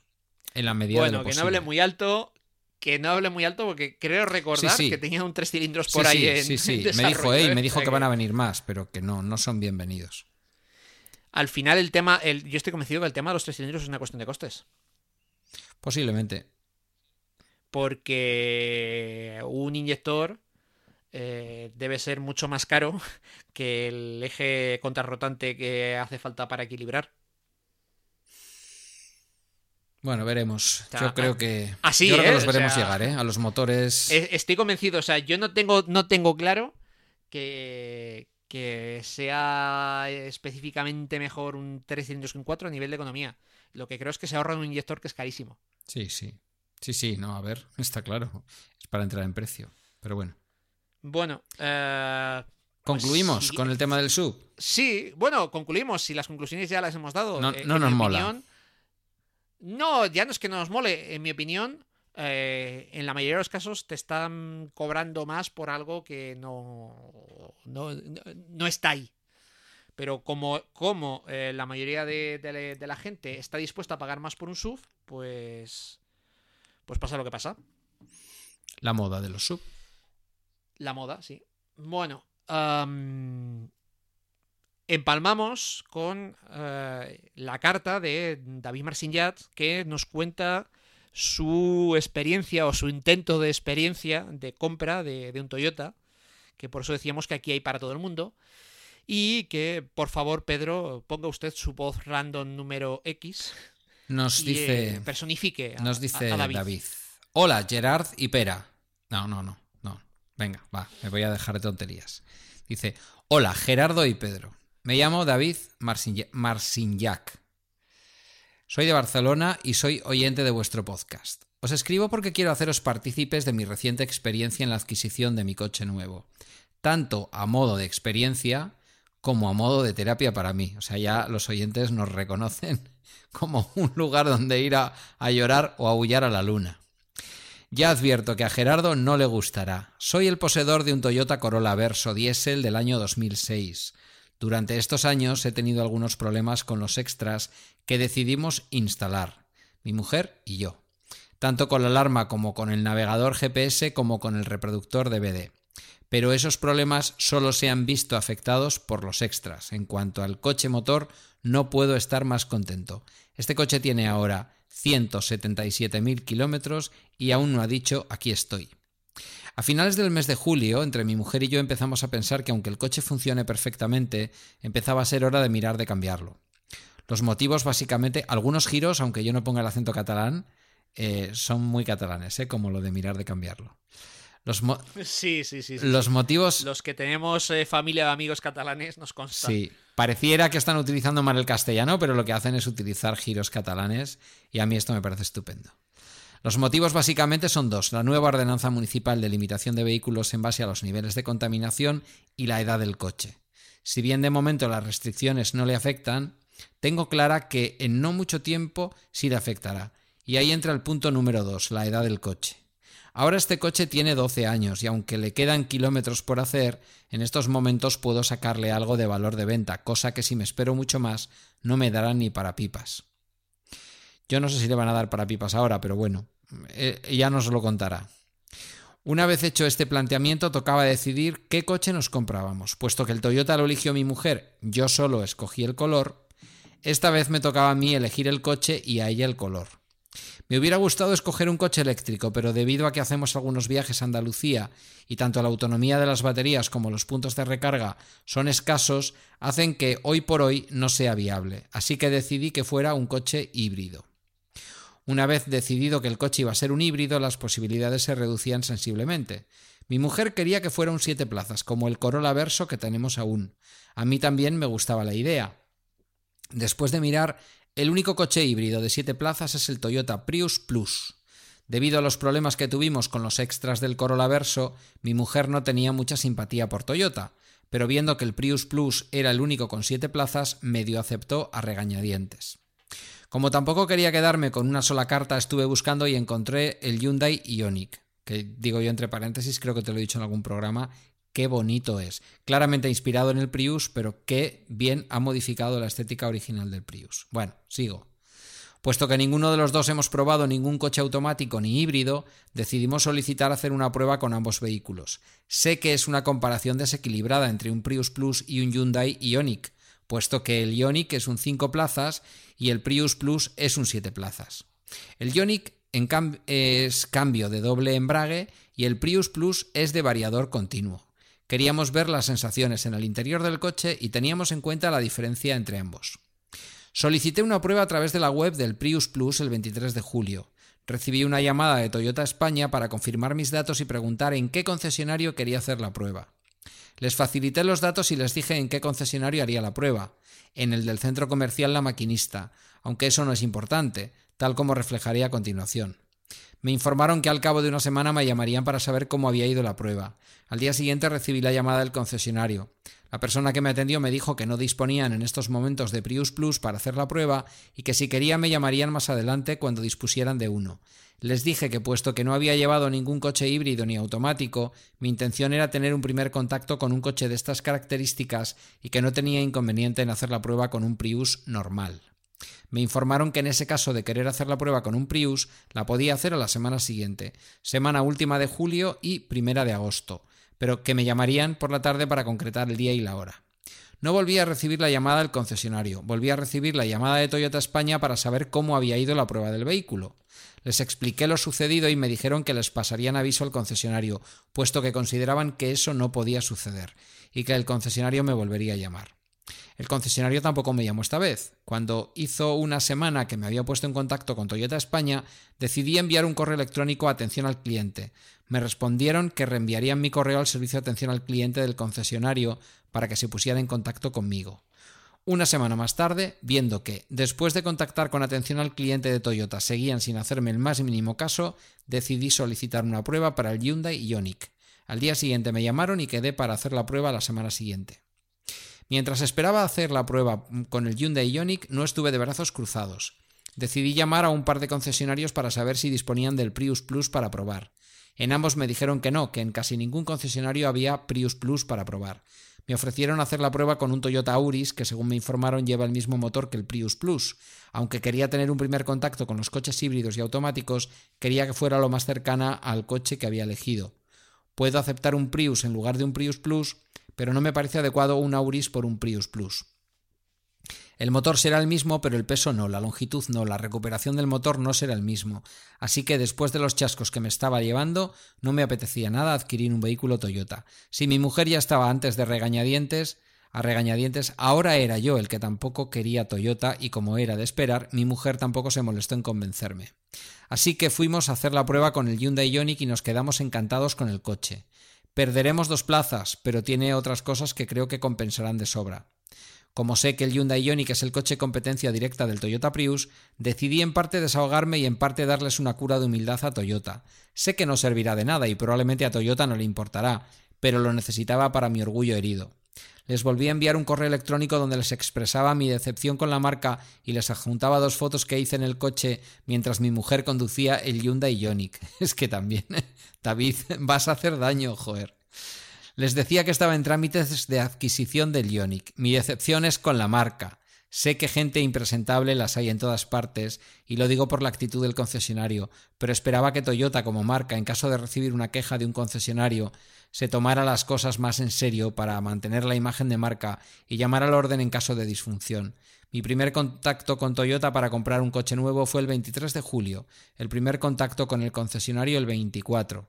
En el momento que os escribo es 14 de agosto del 2018 y aún estoy esperando recibir la llamada del concesionario y además he visto cómo Toyota España asistía con total indiferencia a este periplo mío. Perdón por el ladrillo, he intentado resumir, pero intentando ser lo más fidedigno posible. ¿Cómo lo ves? Wow. Pues eh, muy mal. Muy mal. Y es que eh, esto es una tendencia que vengo viendo en, todas las marcas, por desgracia, que el teléfono y internet no sirve para apenas nada. Eh, al final tienes que ir en, en persona, siempre. Pues... ¿Hemos sabido algo? ¿Has, ¿Has, intentado contactar con Toyota España?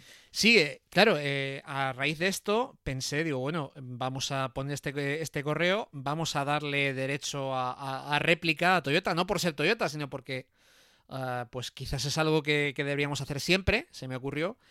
Y eh, bueno, cogí los contactos de, prensa de Toyota, mandé un, un, correo pues con esta situación y comentándoles un poco que pues que éramos un podcast y tal y no, no he obtenido respuesta. Eh, les envié el correo el 16 estamos a 20 no he obtenido respuesta. o sea que le dan el eh, mismo le dan la misma importancia al podcast que que recibe el correo pues parece ser para que para que luego digan que yo estoy a sueldo de Toyota ya ves.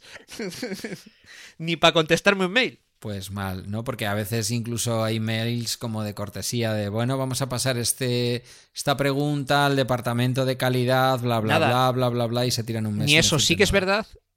Uno de los mails que era del eh, uno de los mails que era del responsable, pues me saltó el típico mensaje automatizado de vuelvo el 27. Pero bueno, no sé. Joder, yo en mi, empresa nos vamos de vacaciones y, eh, y, lo dejamos preparado para que los correos le lleguen a otra persona que se pueda hacer cargo, digo yo. Nuestras respuestas de vacaciones no incluyen el reenvío del correo a nadie, pero sí incluyen eh, pues eh, la referencia de cuándo vuelves de vacaciones, por una parte, que da otra seguridad porque dices, mira, pues me puedo esperar. Y si no, el teléfono y la dirección de correo genérica donde poder, bueno, pues enviar el correo si es una cosa urgente.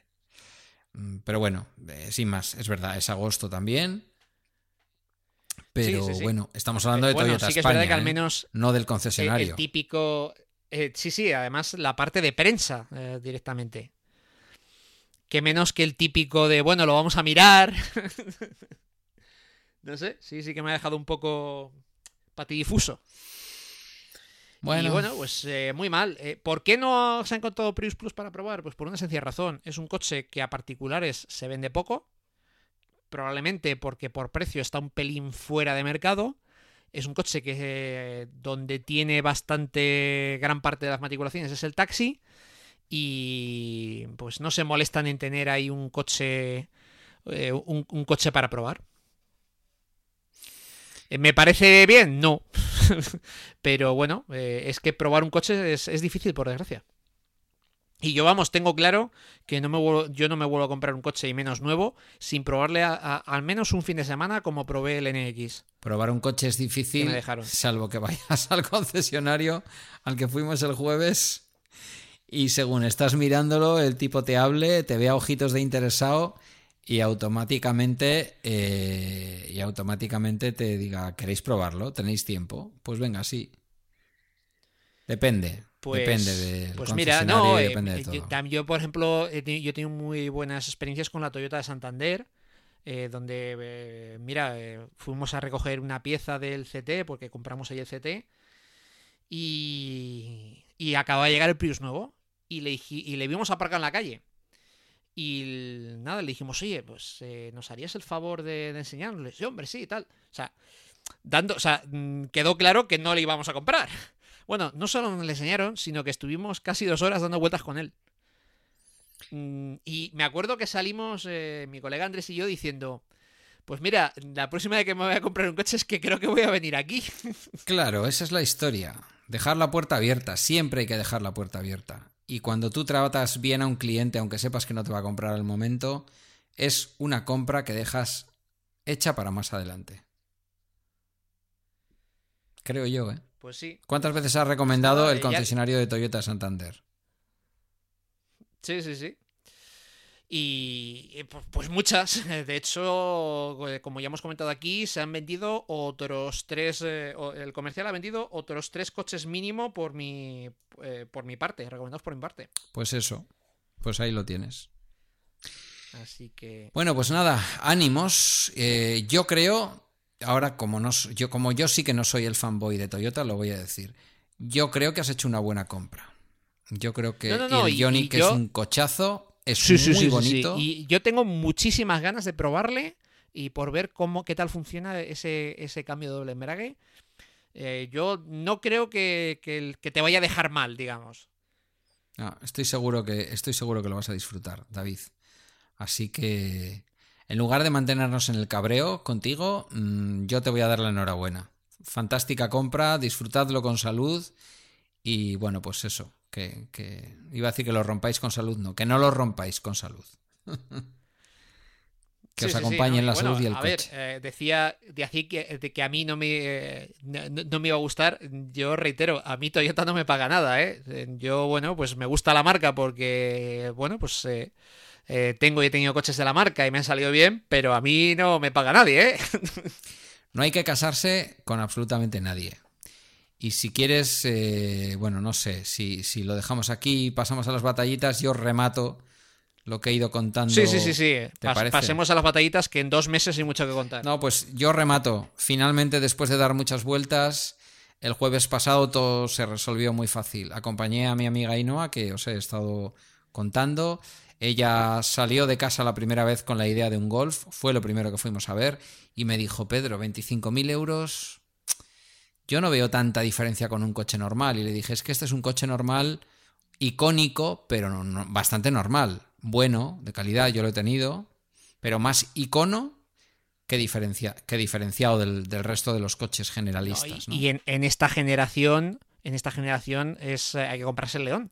Porque es que eh, el León antes sí que es verdad que, por ejemplo, el acabado por dentro, el León anterior, mm, cojeaba bastante. Pero el de ahora, el tuyo, no tiene absolutamente nada que envidiar. Y esto incluso dicho por la propia, la propia Autobild eh, alemana, la revista alemana, yo vi, vi una prueba en la que probaban A3 eh, Golf y León y recomendaba el León. El comercial de BMW, es una opinión un poco peculiar porque es el comercial de BMW, nos insistía que el León es hoy un coche más preciado en, así como en España por ser un SEAT, tiene la carga que tiene, en Alemania por lo que sea, porque ha corrido allí carreras de turismos, por lo que sea, y porque el Golf tampoco en Alemania es tanto icono como aquí, es un coche bastante más normal, la gente tiende a irse a coches de más gama. Eh, me decía que el, que el León último, lo cual explicaría además el giro de SEAT al haber hecho un coche más familiar y menos macarrilla, por decirlo de alguna forma, que se está vendiendo mucho y que es un vehículo bastante apreciado. Incluso él consideraba, no sé si esto es muy real, más apreciado en algunos ámbitos que el propio Golf. Lo que sí es cierto es que estrenó la plataforma del A3 y del Golf cuando el A3 y el Golf todavía tuvieron que esperar meses en el caso del, del León 2013 que tengo yo. Pero bueno, no estamos aquí para hablar de León. Después de ver el Golf, después de ver eh, alternativas distintas como el Astra, ella había tenido cuando estaba de novios con el que fue su marido un, un Astra GSI mítico. Mm, Bueno, vimos el Astra GSI. No lo llegamos a probar porque ella se dio cuenta que quería un coche más diferenciador. Yo creo que está en la crisis de los titantos. Vamos a dejarlo ahí. bueno, yo lo creo, no, ella lo dice. El caso es que leí en un blog que si estaban saliendo a buen precio los series 1 de BMW, le mandé el enlace por WhatsApp, me dijo que le gustaba el coche, indudablemente el coche es bonito, más bonito ahora que antes, que antes era un poco panzón. Eh, nos fuimos y el chico nos dijo, oye, pues no sé si os interesa solo nuevo, pero tenemos coches de entre 8 y 11 mil kilómetros que los hemos estado llevando a los comerciales y algún préstamo a clientes y tal. y tengo uno de 11 meses que es el que yo he llevado y que te lo ofrezco y hay algún otro más. Ya, pero BMW había hecho BMW había hecho los deberes y no, te- y no habían tenido que auto- automatricular apenas, pero te lo ofrece casi desde el principio. Fue un poco ¿no? Sí, sí. contradictorio. Mm, No habían tenido que automatricular, pero me dice que en lo que llevaban de agosto, y esto fue el jueves pasado, había vendido 28 coches con matrícula. Con matrícula quiero decir de, de empresa, Sí, sí, matriculados por sí. ellos, ¿vale? Pero que habían hecho los deberes. Digo, mira, vale, mm, me alegro. Lo que pasa es que cuando puso delante de nuestros ojitos un BMW negro mm, acabado M de ¿cómo es? The most powerful letter of the world, la letra la letra más potente y poderosa del mundo. Acabado M, yo no pensé que iba a poder mm, comprar mi amiga un acabado M. Mm, acabado M, 150 caballos, el 1800, ¿vale? El 1.8, mejor dicho. O el, o el- ¿cómo es? ¿O el 18? ¿Cómo le llaman? ¿Cómo hacen en esto los de...? Eh, 118. El 118, sí, eso es, eh, ahora, ahora lo has dicho pero, bien. pero, ¿verdaderamente es 1800? No, no, O sea, porque era el 118D o I. O sea, diésel o gasolina. diésel. 118D. Sí, Pues me parece que es un 1600, aunque sea 18, creo que es 1600. podría creo, ¿eh? Ser. estoy Bueno, seguro. 150 caballos. Salimos a probarlo, día de lluvia. Yo le advertí a mi amiga que él no lo hizo. Tracción trasera, oye, tenlo en cuenta, bla, bla, bla. No, por Dios, estos coches ya no se nota. De todas maneras, ya vamos a ir al tracción delantera, aunque va a haber mucha gente que venga buscando todavía las tracciones trasera, algo en lo que yo estoy de acuerdo y a los que nos gustan los coches sabemos que lo que estaba diciendo no es incierto, aunque también es verdad que un tracción trasera no es para cualquiera y bueno, pues menos para una mujer que toda la vida ha conducido coches con tracción delantera, ¿no? Entonces, pues, pero bueno, que se va a adaptar, porque esta es muy buena conductora y yo sé que se va a adaptar enseguida. No hay problemas, dijo, no, hay que tener apenas... El caso es que yo lo traje, bueno, ella lo llevó, hablamos del Monte Archanda, alrededores de Bilbao, quienes hayan venido saben un poco de lo que estoy hablando. Em, ella subió y yo bajé. Y en la última rotonda, antes de entrar de vuelta al concesionario, dije, voy a ver si verdaderamente ya no se nota tanto la tracción trasera. ¡Ay, macarrilla! Y entonces eh, hice una rotonda y uh, pero una rotonda que tiene, bueno, una rotonda, una especie de medio cambio de sentido, por decirlo de alguna manera, más que una rotonda, que a su salida pues hay que volver a entrar en una pequeña autovía que sube el Alto de Necuri y baja hacia Bilbao, entre Erandio y Bilbao, y al mismo tiempo hacer, digamos, un contravolante a derechas para salir eh, hacia donde está el concesionario. Y dije, este es mi momento, yo tenía que entrar rápido en la carretera porque es un espacio de poca aceleración para volver a salir enseguida. Entonces, según entré en la carretera, di un volante a derechas y el coche culeó un poquito, como es lo suyo en un vehículo de 150 caballos, que también es cierto, lo llevaba en el formato de super, super deportivo, no sé cómo le llaman, ¿vale? Tienen un Eco, un Comfort, un deportivo y un deportivo super. Que luego me dijo, hombre, es que ahí no los recomendamos llevar nunca, porque afloja mucho las ayudas y tal y cual. Es más bien para circuito. Dije, hombre, no, este coche no lo vas a vender para circuito, con 150 caballos. Pero bueno, es verdad que Por se cierto, notó que... una pequeña corrección. El 118D es un motor 2000. ¿eh? Eso es, 2000, es verdad, lo dijo él, un 2000, tiene razón. Ahí fue cuando yo le pregunté, ¿y qué pasa? ¿No, no le dais a los tres cilindros y tal? Bueno, ese vehículo, ¿en cuánto crees que se puede quedar? Con el acabado M, con el acabado M. Oh, pues me consta que se, así de estos de dirección o de tal suelen andar, eh, andar por los 20.000 bajos. 20.000 bajos, ¿eh? Pues tendríamos que haber hablado contigo, porque han sido 23. O sea, sí, bueno, o sea, eso, los 22, 23, por ahí. eh, 23. 22, el coche está 23, muy 24. bien. En uno de los nervios del capó yo le vi un toque milimétrico, pero justo en el nervio, que yo sé que son difíciles de arreglar y que desde luego había que verlo con la luz de una determinada manera. Y como el hombre había dicho que se le arreglaba todo lo que encontráramos, yo le tomé la palabra. Ahí sí me puse en plan cabroncete. El coche no tenía ni un solo problema más, pero justo tenía en el capó esa especie de no sé qué. Y le dije, "Mm, ahí, le señalé con el dedito, le dije, ahí hay una cosita y se la tendréis que arreglar. Y nada, vino un crack que debe ser el jefe de, el jefe de mantenimiento, o sea, el jefe de taller, y dijo, el comercial nos había dicho, hombre, ahí está muy difícil, no se ve muy bien, ya veremos. Llegó el tío, me miró a la cara y me dijo, me hago cargo. Y dije, esto es lo que se espera de un, de un buen concesionario. Y nada, se ha comprado del tirón. Fuimos a las 5 a ver el Muy coche, a las 7 lo estábamos probando y a las 8 y cuarto había dado la, había dado la señal de mil pavos y ya Pues está. mira, un comercial que sabe vender. Sí, sí, sí, sí, lo vendió. Lo vendió. No sé si es verdad que era el suyo, pero dijo que era el suyo, que lo había tratado muy bien.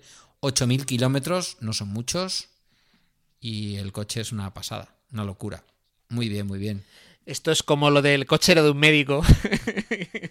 ¿Quién no ha oído lo de no, no, era de un médico? Era de un médico, sí. El caso es que algún otro que también era de un compañero resulta que no nos lo pudimos ver ni probar porque se lo habían prestado a un cliente. Entonces, bueno, le dije que... En fin. Tengo mis dudas, tengo mis dudas a ese respecto porque llevaba la identificación en los laterales del, de Necuri Motor y eso a mí me parecía un coche de cortesía, pero bueno. Nos insistió que Sí, era su o coche. de, o de coche, o de coche, no, puede ser coche demo, ¿eh? que, que le ponen las pegatinas para que se sepa que es del concesionario. Por ejemplo, eh, los comerciales de la Toyota aquí en, en Valladolid sí que llevan pegatinas de Yaris Hybrid o Auris Bueno, puede ser. A mí me pareció un tío bastante honesto. ¿eh? Eh, nos comentó que el coche de fábrica, sin los descuentos, eran 32.000. Con los descuentos se suele quedar en unos 27, 28, depende de las campañas. Bueno, yo creo que 23.000 está muy bien, la verdad. Y esa es la aventura, la batallita, que se ha acabado el, el momento compra. Eh, y bueno, como lo demás ya lo he contado, pues no voy a insistir, ¿no? Las cosas que me dijo de los híbridos, las cosas que me dijo de que BMW había hecho los deberes y no tenía nada, pero había vendido 28 coches en 15 días. Sí, sí. es el concesionario es- principal, ya- ¿eh? Y me dio, me dio la sensación de que es el, el comercial como... Llamativo, cuando menos. Son muchos 28 coches, ¿eh? Matriculados. Muchos. Sí, sí, sí, sí. Y bueno, eso te cuento. Cuéntame tú, Le Mans, que ya ha pasado hace tiempo, pero que no lo tendrás seguramente en el olvido. Y más cositas, ¿eh? No, más cositas no, que has estado triunfando por Sí. las noches vallisoletanas. Y, no me bueno, refiero a pues, ligar, eh, precisamente. Eh, bueno, pues eh, estuve en las 24 horas de Le Mans. además, este año muchísimo mejor porque eh, decidimos el grupo de amigos con el que voy, decidimos eh, sacar un poco la cartera y eh, coger eh, una, mm, una parcela más cercana al circuito, que era, era más cara. Pero vaya si ha merecido la pena, porque antes andando estábamos de la parcela al, al, al paddock, estaríamos como tres cuartos de hora. Tres cuartos de hora rozando la hora. Andando. Que de hecho íbamos en coche a un parking que estaba al lado de donde tenemos la parcela ahora y andábamos los últimos 15-20 minutos. Y ahora, claro, estábamos a 15-20 minutos. Además, estamos muy bien colocados porque estábamos 15-20 minutos de la parte mm, del circuito del paddock eh, más hacia abajo, que serían las, las chicanes de entrada a la recta de meta, o 15-20 minutos de la parte del puente de Dunlop. Entonces eh, está- en- estamos súper bien colocados y eso además pues ha mejorado mucho eh, la experiencia porque además también permitía mucha más libertad para, para- para todo el mundo. Ah, no era como pues por ejemplo eh, antes eh, los que teníamos coche pues teníamos que ponernos de acuerdo para ir con el coche todos hasta el parking eh, y por ejemplo cosas como lo que pasó que yo la noche del, del viernes al sábado me la pasé en urgencias acompañando a, un amigo con una, con una gastroenteritis y llegué a las cinco y media de la mañana claro cuando todo el mundo se levantó a las 9 para ir a la pista yo me quedé sobao de la otra manera me había tenido que levantar para llevar para, para que le, para que puede, llevar a la gente con el coche Claro. De esta manera yo me quedé sobao, me levanté tranquilamente y les fui a buscar tranquilamente. Por ejemplo. Además, este año he podido visitar el museo de las 24 horas de Le Mans, que no había tenido ocasión y que está incluido el coste con, con la entrada. De hecho, es más, o sea, eh, la entrada costó 88 euros para toda la semana. Incluía conciertos de... un- había cuatro conciertos, uno de un grupo francés que no había ido nunca, Arcadian, eh, de eh, Mr. Dr. Phil Good, eh, gente, eh, un artista así bastante eh, ya talluditos, pero que estaba bastante bien, de Texas. Muy, muy y para de el público. Que iba. Bueno, fíjate, ahora que dices muy para el público, este año me ha llamado la atención que había bastantes chicos jóvenes, más que otros Sí. años, pero chicos jóvenes de 18 o así y bastantes chicas. Bueno, Yo diría que más que habitualmente. pues bien, ¿no? Me llama la atención. Sí, sí, sí, sí. Incluso, ya digo, concierto de, de Jamiroquai, que pues casi, casi un concierto de Jamiroquai mm, te puede costar casi, eh, casi los 88 euros de la, de la entrada, que yo me perdí por estar en urgencias, pero bueno. Ah, y bueno, la, carrera en sí, pues eh, espectacular como siempre, el haber podido estar ahí a pie de pista, pues celebrando el, eh, la victoria de, Toyota ya por fin, aunque competía en su categoría pero sola, pero bueno, tenía que luchar contra su propio gafe, que no te creas tú que no es poco. Y, bueno, la verdad es que, pues eh, muy bien, la verdad. eh, Además, eh, una diferencia con el año pasado es que viajamos de día en vez de de noche. Y he dicho que no vuelvo a ir de noche porque fue muchísimo mejor. Llegamos a, a las 10 de la noche, justo cuando iba a empezar. Eh, cuando iba a empezar la, primera sesión de, clasificación. Así que dejamos el coche tirado en el camping, nos fuimos directamente a la grada.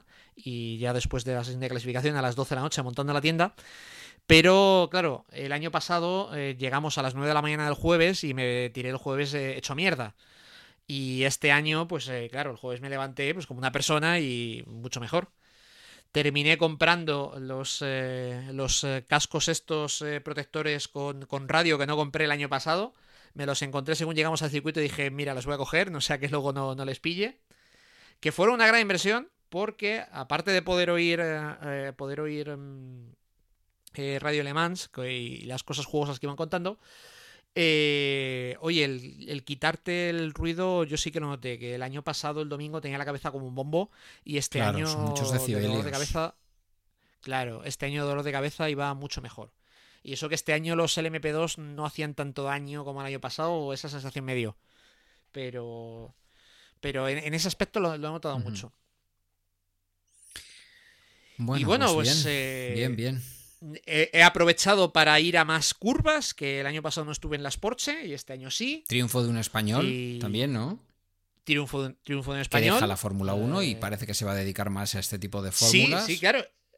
Esto, claro, nos pilla porque ha anunciado Fernando Alonso el- este, este martes que deja la Fórmula 1 y eh, bueno, eh, ti- tiene contrato con Toyota para, para, para acabar la Super Season, que acabará en Le Mans de, de- de año que viene.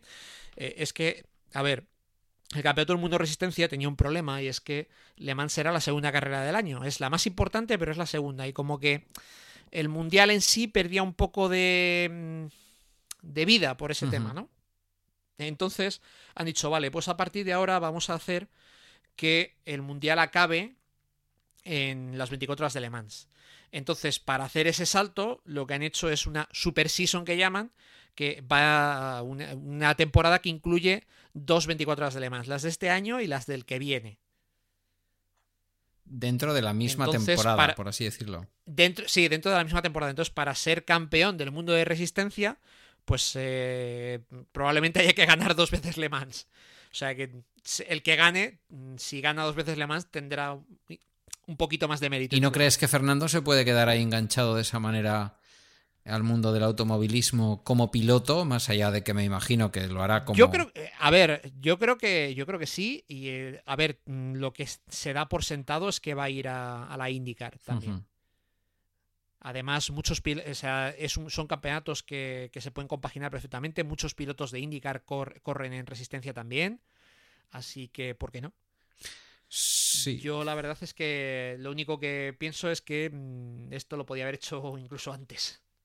Bueno, él ha estado intentando, ¿no? Yo creo que quedará para la historia como uno de los pilotos que ha pasado por las principales escuderías. No habrá muchos que hayan estado en todas las escuderías clásicas y históricas de la Fórmula 1, ¿no? Además de haber ganado los dos campeonatos del mundo.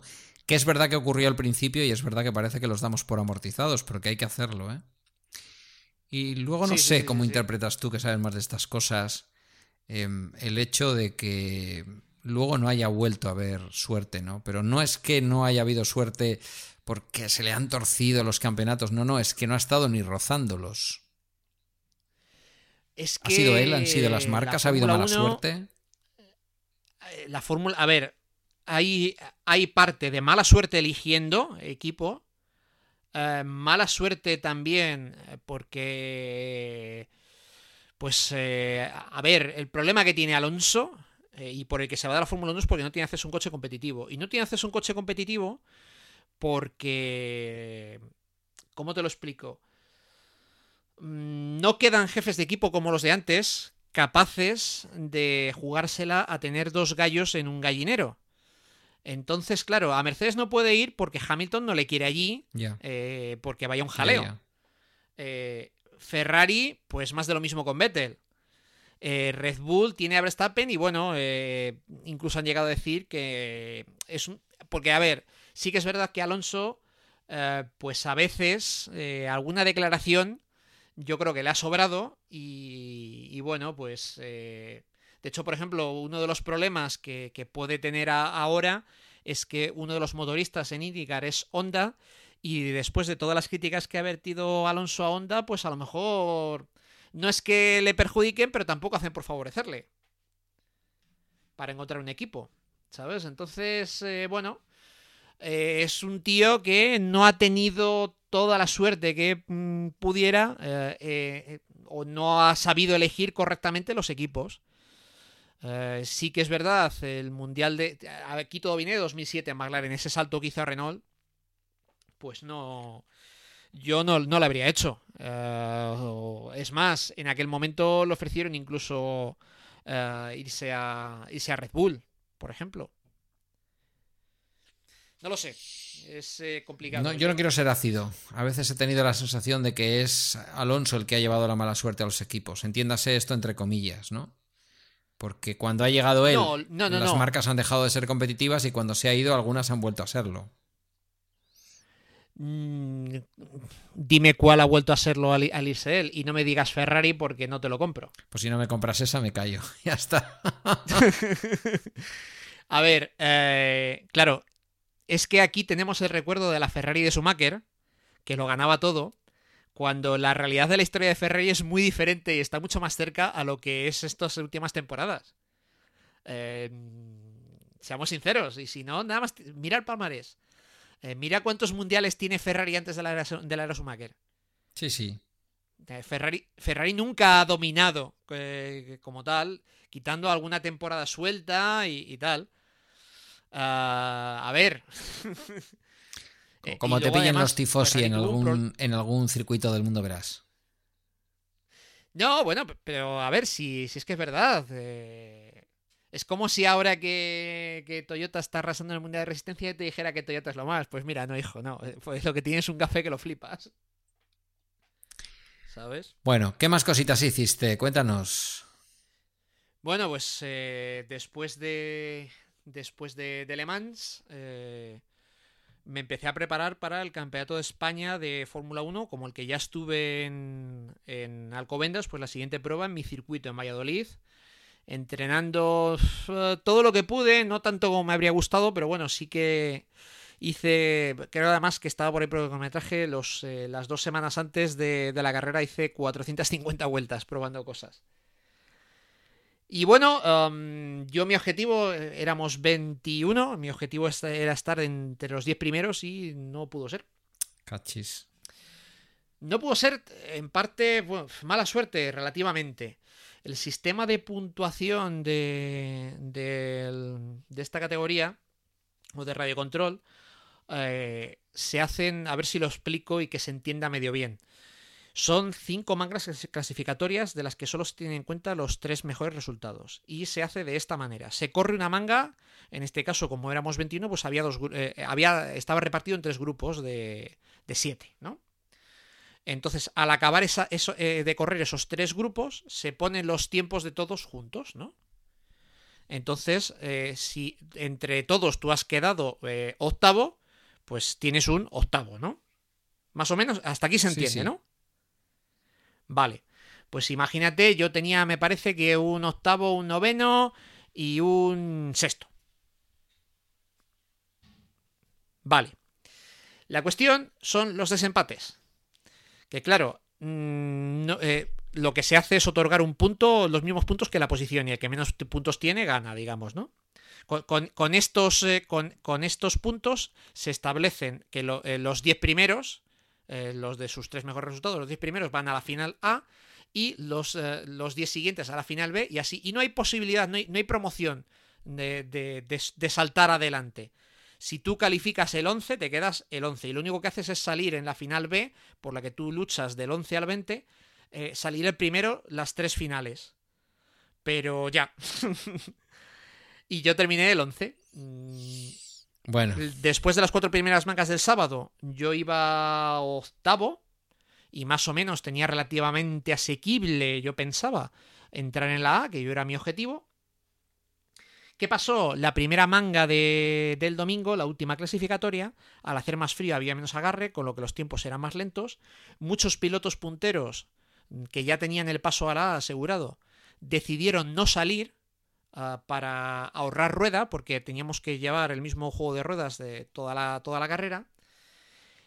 Uno que hasta ese momento iba al decimoquinto, pues hizo una manga que le salió bastante bien.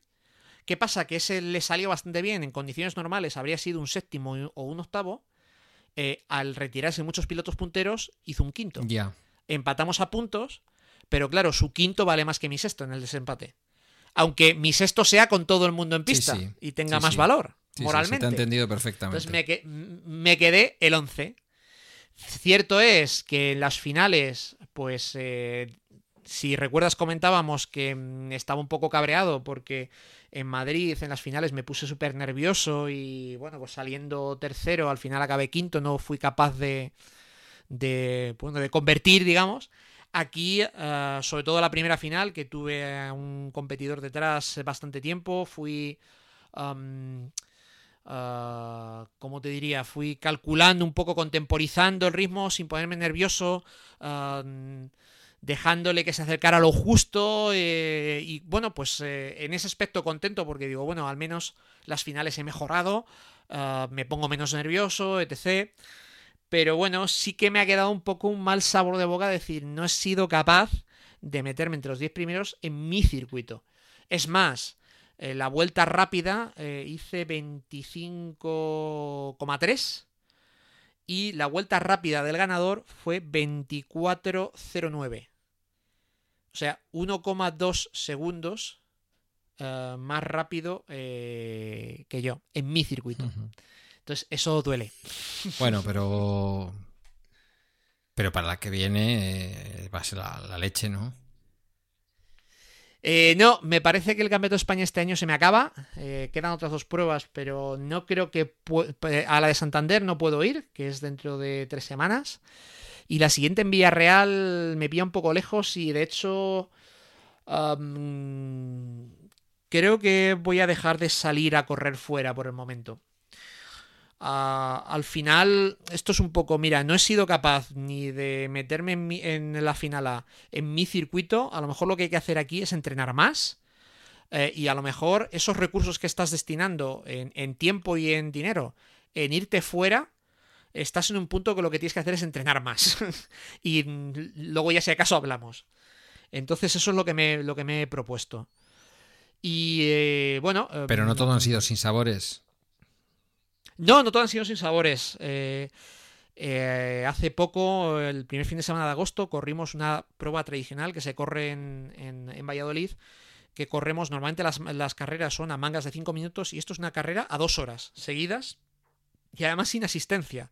Normalmente en las carreras, tú cuando corres tu manga, eh, te quedas en el circuito como comisario para, para colocar los coches de la siguiente manga. Aquí no había comisarios. Si volcabas o le pasaba algo a tu coche, tenías que bajar tú del podio donde eh, conduces para colocar el coche y de igual manera tenías que bajar a cambiar las baterías o cualquier avería que pudieras tener. Y bueno, em, normalmente yo es una carrera que eh, nunca he sido capaz de ganar. O sea, por unas cosas o por otras, incluso cuando dominaba la categoría eh, sin problemas, esa carrera siempre se me, ha, se me ha escapado. Por unas cosas o por otras, nunca he sido capaz de, de ganarla. El año pasado, si te acuerdas, tuve ese problema con las Sí. baterías que me dejó, eh, haciendo una estrategia de ir más tranquilo, eh, me dejó apeado a 15 minutos del final. Y este año, pues dije, mira, mm, además eh, no tuve tiempo de cambiar el motor y poner un, motor más tranquilo que tengo. Y dije, qué diablos, a todo lo que dé. Y bueno, pues al final resultó ser la estrategia ganadora, porque gané metiendo cuatro vueltas al, al segundo. O sea que le diste a todo lo que dé Eh, y un poquito más. a todo lo que dé un poquito más. Para que te hagas una idea, la vuelta rápida durante el Campeonato de España fue de 25,3 eh, con el circuito aditivado, porque le echamos mejunje al circuito para que agarre más. Y además, tanta gente rodando deja goma en pista y hay más agarre. La vuelta rápida durante esta carrera de resistencia por la noche con el circuito más eh, frío, con ruedas viejas, porque salí con ruedas viejas, eh, fue de 25 25,6. Para que te una Oh idea hasta qué punto iba a todo lo que daba. Y de hecho, hablando con, con, algún, eh, con algún competidor, les dije, oye, tío, eh, pero ¿qué pasa si tú normalmente eres más rápido que yo? Pero bueno, eh, por unas cosas o por otras, incluso partí una, una llanta a media hora de- del final, que me obligó a bajar rápido y cambiar de ruedas. Eh, incluso tuve que hacer una parada extra porque, claro, seguía, tenía dos baterías buenas, pero el resto eran baterías viejas que ya me dejaron tirados el año pasado y este año, pues eh, más o menos la misma. Aun con esas paradas extras, el ritmo que llevaba era tan superior que me dio para acabar con cuatro vueltas de ventaja. Bueno, pues enhorabuena. Gracias, ¿no? La verdad es que sienta bien eh, esto de ganar de vez en cuando. Ya estaba, ya estaba bien. Y bueno, ya digo, creo que el tema de salir fuera lo voy a dejar una temporada y voy a dedicar esos recursos a seguir entrenando y a, pro- a probar cosas. Porque cierto es, cuando vas fuera aprendes en las carreras, pero mm, quizás no, no tienes tiempo a probar- tantas cosas eh, en, en el coche y a probar relajes y a probar trazadas, porque sobre todo vas a circuitos que no conoces y bueno, vas un poco... No te quieres complicar mucho, mucho la vida, digamos. Entonces eh, creo que estoy en un punto en el que ya mis manos no dan más de sí con los conocimientos que tengo y adquirir conocimientos ya no creo que no los voy a adquirir saliendo fuera, sino probando en mi circuito. Veremos. Bueno. Pues bien, ¿no? Quiero decir que por lo menos te quedas con ese regusto de haber ganado algo y de que, chico, no sé. Me parece una buena estrategia. A ver a dónde sí, sí, lleva. sí. A ver, a ver. A ver. Y eso, eso, eso le puedo contar. Pues no es poco, la verdad. Yo te podría contar la aventura de la de la mudanza, pero esa ya la estoy contando en otro podcast, o sea que Sí, sí. no tengo más. Ha, ha tenido también sobre ruedas, ¿eh? porque aunque está a 150 metros la casa vieja, ha habido que hacer mudanza de camión y esas cosas, pero bueno, no, no hay mucho que contar. Que ya estamos aquí de nuevo y que en cuanto estemos otra vez en septiembre rodaos los dos, pues le daremos caña aquí a esto ya con más tranquilidad y con mejor espacio para grabar incluso. Pues, pues muy bien. Yo creo que, que ya por hoy está bien. Llevamos eh, hora y tres cuartos. Yo creo que ya está Sí, bien, es una buena ración, no creo que se puedan quejar. Es mes de agosto y mira, al que le pille fuera y no quiera descargárselo en datos, que eso ya suena un poco del pasado, ¿eh? porque ya la gente va con cantidad de datos de vacaciones, pues en septiembre, como hemos dicho que vamos a dar por lo menos 15 días, pues hay tiempo para escucharlo. Pues muy bien. Pues muy bien. Pues eh, nada. Yo creo que hasta aquí hemos llegado, ¿no? Pues por mi parte un saludo, un saludo a la audiencia y un saludo para ti, Gerardo. Dejo el, dejo el podcast en manos de su jefe para que lo despida. Pues nada. Adiós.